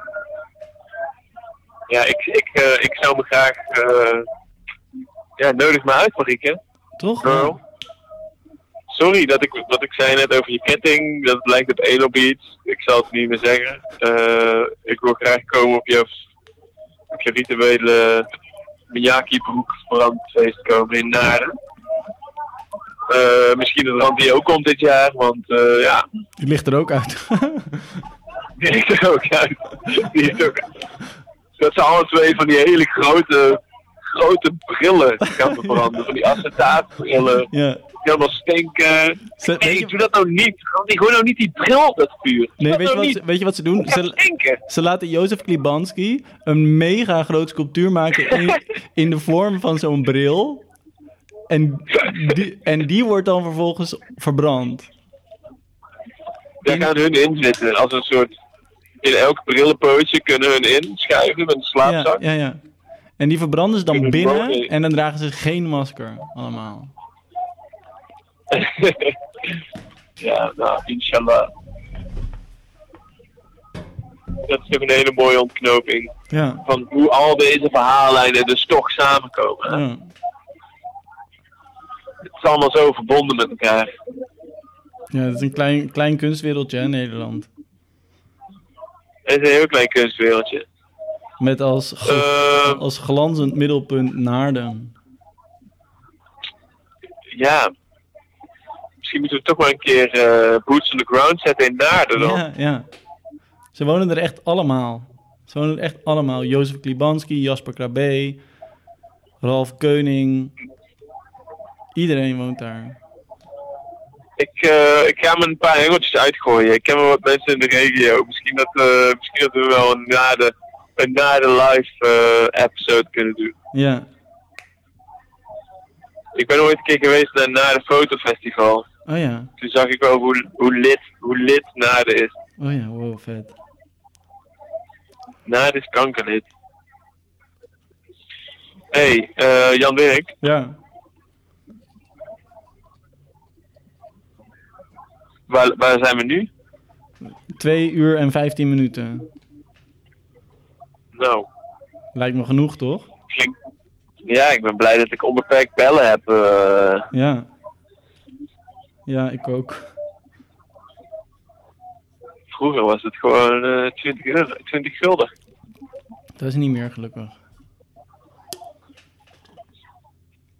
Nee, eh, ja, wat vond je ervan? Leuk. Ik vond, Deze. ik vond het echt leuk. Goed zo. Ja. Ja, ik ook. Minder leuk dan in real life, maar wel gewoon heel leuk om een keer te doen. En ook fijn om te weten dat het wel gewoon een optie is. Ja, ja, precies. Het is even inkomen, hè? Maar Ja. dan op een gegeven moment, als je erin zit, dan kun je gewoon, eh, kan je gewoon gaan. Ja, Zeker als het dit soort juicy onderwerpen te bespreken precies. Ja. Ehm, Oké. Nou, Ranti, Ranti, Jozef, Marike. Shout-out. Alle drie, kom op de pot. Tommy en Jan Dirk. Tommy, Jan Dirk, Jozef, Marieke, Ranti. heel sick. Het zijn allemaal dreamers. Allemaal Dreamers. dreamers. Ja. Ik wil, ik wil misschien eh, subsidie aanvragen voor een klus dat dan Jozef Klipanski een heel groot gepolijst bronzen beeld maakt van, van Marieke en Ranti.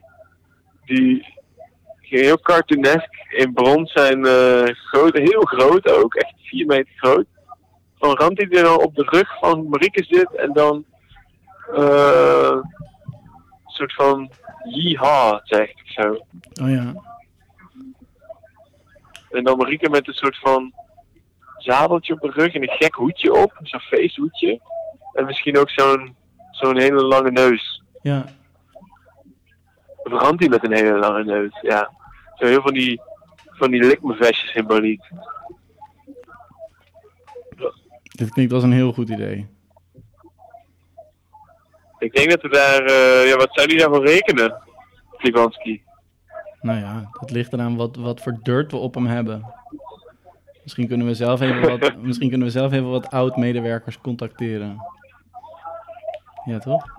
Misschien kunnen wij er zelf gewoon even gaan werken. Ja. En dan zelf Geen masker nemen en dan met, ja. Ja. Uh, voor al mijn kunstenaars out there working with fijnstof, please wear a mask. Always wear a mask. Oké, Draag jij een masker eigenlijk? ja, ja, ja. Ik werk vooral met hout, maar zelfs dan werk ik, doe ik op zijn minst, dan knoop ik een soort zakdoek voor of zo. Maar, en als ik met iets anders werk, ik draag altijd een masker, ja. Als ik dingen schuur en zo, ja. Hm. Ik heb daar geen zin in. Op de academie deed ik dat echt nooit. Op de academie, toen ik op de academie zat, toen de- hadden we gedeelde ateliers in de tweede en de derde. En toen was ik heel veel aan, dan deed ik eh, hout, MDF, echt gewoon het slechtste geperste hout, MDF, deed ik invrezen en dan inleggen met ehm plamuur, die dan op kleur was gebracht met spuitverf, dus gemengd met spuitverf. En dat schuurde ik dan met een hele grote schuurmachine. Totdat het vlak werd. Zonder masker, zonder stofzuiger. In een gedeelde studio. Waar andere mensen andere dingen aan het doen waren. En, Ja, daar werd nooit iets van en gezegd, daar hè? werd nooit iets van gezegd. Nee, als ik daar nu aan Kill, dit is gewoon als kan- Tim Hofman in onze tijd op KWK kwam. Als hij had gezien hoe het bij Jozef Klibanski in de studio gaat. Als hij op KWK kwam toen. Ja. Oh mijn god. Dat kan echt niemand. Eigenlijk hadden ze daar gewoon even... eh, niemand heeft die kiddo's daar, daar uitleg over de veiligheid eh, gegeven. Nou, ik zat ook gewoon ja. met cement te werken op die sculpturen met blote handen. Ja. Yo, ik droeg niet eens handschoenen. Nee. Ik gooide de rest cement in de fucking wasbak van de wc. Hoe retarded is dat, zeg maar? Ik zat met blote handen te werken met cement. We waren helemaal bloedende blaren geworden. En ik gooide de cement in de wasbak. En, en- en jij zit ook gewoon, ja, gedeelde ateliers. Zit jij gewoon... Ziek fijnstof. Ja. I'm making asbestos art sculptures. Uh, my work is about the dangerous materials. ja. Nee, dat, is, dat, is, dat heb ik dus ook echt later pas moeten leren. Ja, dat is ook. mij daar nooit uitgelegd Nee. door niemand. Nee. Wat eigenlijk gestoord is. En mijn klasgenoten vonden dat ook gewoon niet erg. Dat was het, het gek. Nee, Die zaten gewoon zo van... ja, want het hoort erbij. Ja, die hadden gewoon zoiets van... Mijn shit zit de hele tijd onder het stof van Jan Dirk. Maar dat is prima. Het was zo relaxed. Het was zo anders. Niemand vond het erg. En op een gegeven moment... Vond... Ja, het was wel een hele relaxe tijd, ja. Want, want we waren ons echt niet zorgen aan het maken over, over die gevolgen van hand. Nee, en, op een gege- en het was ook gewoon... Op een gegeven moment vond iemand het dan op een gegeven moment wel erg. En toen ben ik er meteen mee gestopt. Toen zei ik, Nou, oké, dat nou, nee, ik koop een stofzuiger. En ik ga het voortaan buiten doen. Prima. Geen probleem. Ja, Helemaal geen probleem. dus jij doet dat nu altijd buiten. Nee, eh, ik, ik, in Billytown hebben we een houtwerkplaats met goede stofafzuiging. Dus eh, dan doe ik het daar. Goeie. Ja. Heb je daar ook, kun je daar ook, is het fijnstof, stofafzuiging? Nou, eh, stofafzuiging is volgens mij in principe gewoon stofafzuiging. Zeker in een houtwerkplaat. Maar bij, bij de maskers maakt het volgens mij veel verschil. Dus, en ik draag gewoon een, een fijnstofmasker. Maar Ja, waar laatste, moet de, waar moet de, ja? De laatste tijd ben ik mijn masker kwijt. Dus ik knoop nu altijd gewoon een katoenen lap voor. Ja, dat is dus gewoon echt een soort van schijnbescherming natuurlijk. Dat snap je ook wel. Nou ja, maar dan, ik, dan zaag ik alleen maar iets of zo. Of dan schuur ik even. Dat, en ik doe het nooit heel lang. Dus ja, Nee, dat is dan waar. denk ik van het zal wel. Ja, ik ben natuurlijk heel erg met beton en steen aan het polijsten. Dus er komt Ja, gewoon dat echt veel heftiger. dat fijnstof uit.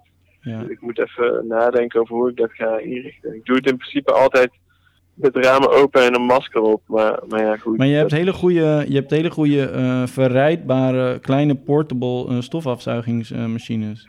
ja, ik denk dat ik zoiets moet gaan, gaan kopen. Dat, is zo'n karretje, zo'n karretje met twee van die zakken en die blazen zich dan helemaal op. En daar, dat, zuigt, dat is een Ja. soort sikke stofzuiger.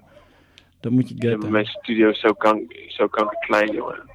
Ik denk dat ik een grote studio nodig heb. Net zoals Jozef Klipanski, om gewoon indruk te maken op mijn klanten. Ja. Op mijn... Denk je dat dat uitmaakt, hoe groot je studio is?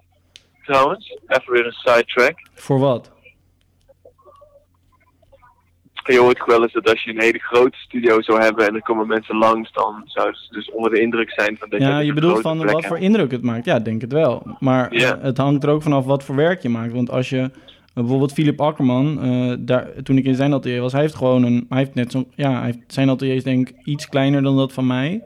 Eh, en het is, maar ja, hij maakt allemaal schilderijen van 40 bij 40 centimeter. Dus dat is heel prima of zo. Dus Hoe dat- groot zijn zijn schilderijen eigenlijk?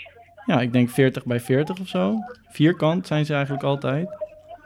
Niet zo heel Oh ja. groot. En Dat is wel een heel handzaam formaat. Dat is allemaal houten paneeltjes. Ja, ja, ja, ja. En hij heeft een soort heel vet systeem dat hij dan heel hoog aan de muur in zijn atelier, helemaal rondom, heeft hij een soort plank en dan allemaal ijzerdraadjes die allemaal op drie centimeter van elkaar schuin naar de muur gaan.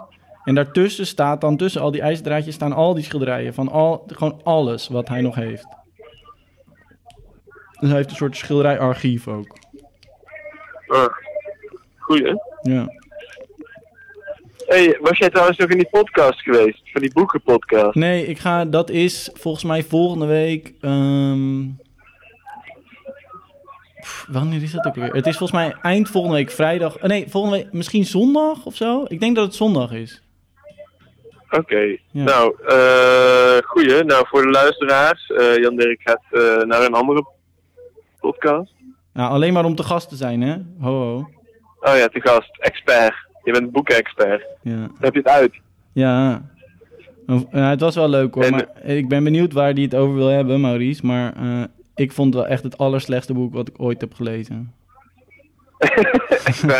Ja, dat was een... Het allerslechtste boek wat je ooit hebt gelezen. Ja, echt bar none. Gewoon echt 100%. Eh, want het was een, een, bio, een autobiografie van een voetballer die ik niet kende. Ehm, een beetje uit de jaren 80 of zo, 90. En, ehm, of een beetje jaren 90, 2000 eigenlijk. En, eh, het was en ik dacht, en het was echt heel slecht geschreven. Echt, echt gewoon hele korte zinnen. En dan, ehm, het was bij Feyenoord wel andere koek, punt, haha, punt. Zeg maar, da- daar zat het vol mee. En ehm, dan was het. Toen dacht ik van, oh ja, maar oké, het is door een profvoetballer geschreven. En toen op een gegeven moment eh, sprak ik Maurice even tussendoor. En toen zei ik van, het is wel echt belachelijk slecht geschreven, zeg. En toen zei hij, ja, dat is gek hè, want het is gewoon geschreven door een journalist... die al heel veel sportautobiografieën heeft geschreven. Dus het is gewoon een fucking ghostwriter die als mogol schrijft... en die alsnog gewoon al die klussen pakt van, van profvoetballers biografieën schrijven. Kan echt niet, man. Punt, haha, punt. Echt, die shit is zo wack. What the fuck. Dit is een hele leuke titel voor deze podcast. Ja, ik dacht, ik had ook een leuk idee voor een titel Art Villains. Hoe? Art Villains. Ja, is goed. Dat leek me leuk, omdat we het Ik over zoveel art villains Ja, hebben akkoord. gehad. En Ik ga akkoord, eh, Jan Dirk, bij ik, heb, deze. ik heb nog een leuk idee daarover, maar ik stuur je dat straks wel op WhatsApp. Ja, het is goed. Stuur me daar gewoon in de privéchat. Ja, precies. Dat al deze gierige luisteraars het allemaal niet kunnen horen. Dat hoeft niet iedereen te weten. Oké, maar ik moet plassen, dus laten we gewoon lekker hangen. Ik ook, man. Ja. Echt heel nodig plassen. Maar nou, leuk, eh, ik vond het heel gezellig. Ja, het is jammer dat als de aflevering nu afloopt, wij elkaar dan niet daarna nog, een, Ja, nog toch? kunnen spreken. Ja, precies. Daarom heb ik ook geen zin om op te hangen, maar En elkaar de hele tijd kunnen zeggen hoe vet het was. dat kunnen we, kunnen we nu niet doen. Nee. Nou, Eh, we kunnen dus toch dan- nog even een kwartiertje bellen. En gewoon nadat we nu ophangen. Ja, dat is goed. Dan doen we dat. Dan gaan we even plassen en dan bel ik je terug, ja? Ja, dit doen we. Oké. Oké. Nou, eh, druk op het rode knopje. Ja. En eh Keep on dreaming. Ja, precies. Oké, ik ga er nu op. Houdoe. Doei doei.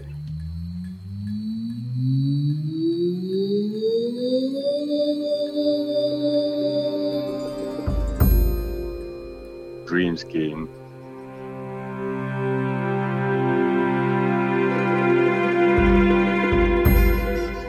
Scheme.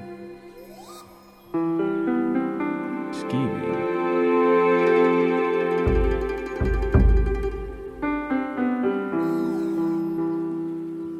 Dream scheme. Scheming.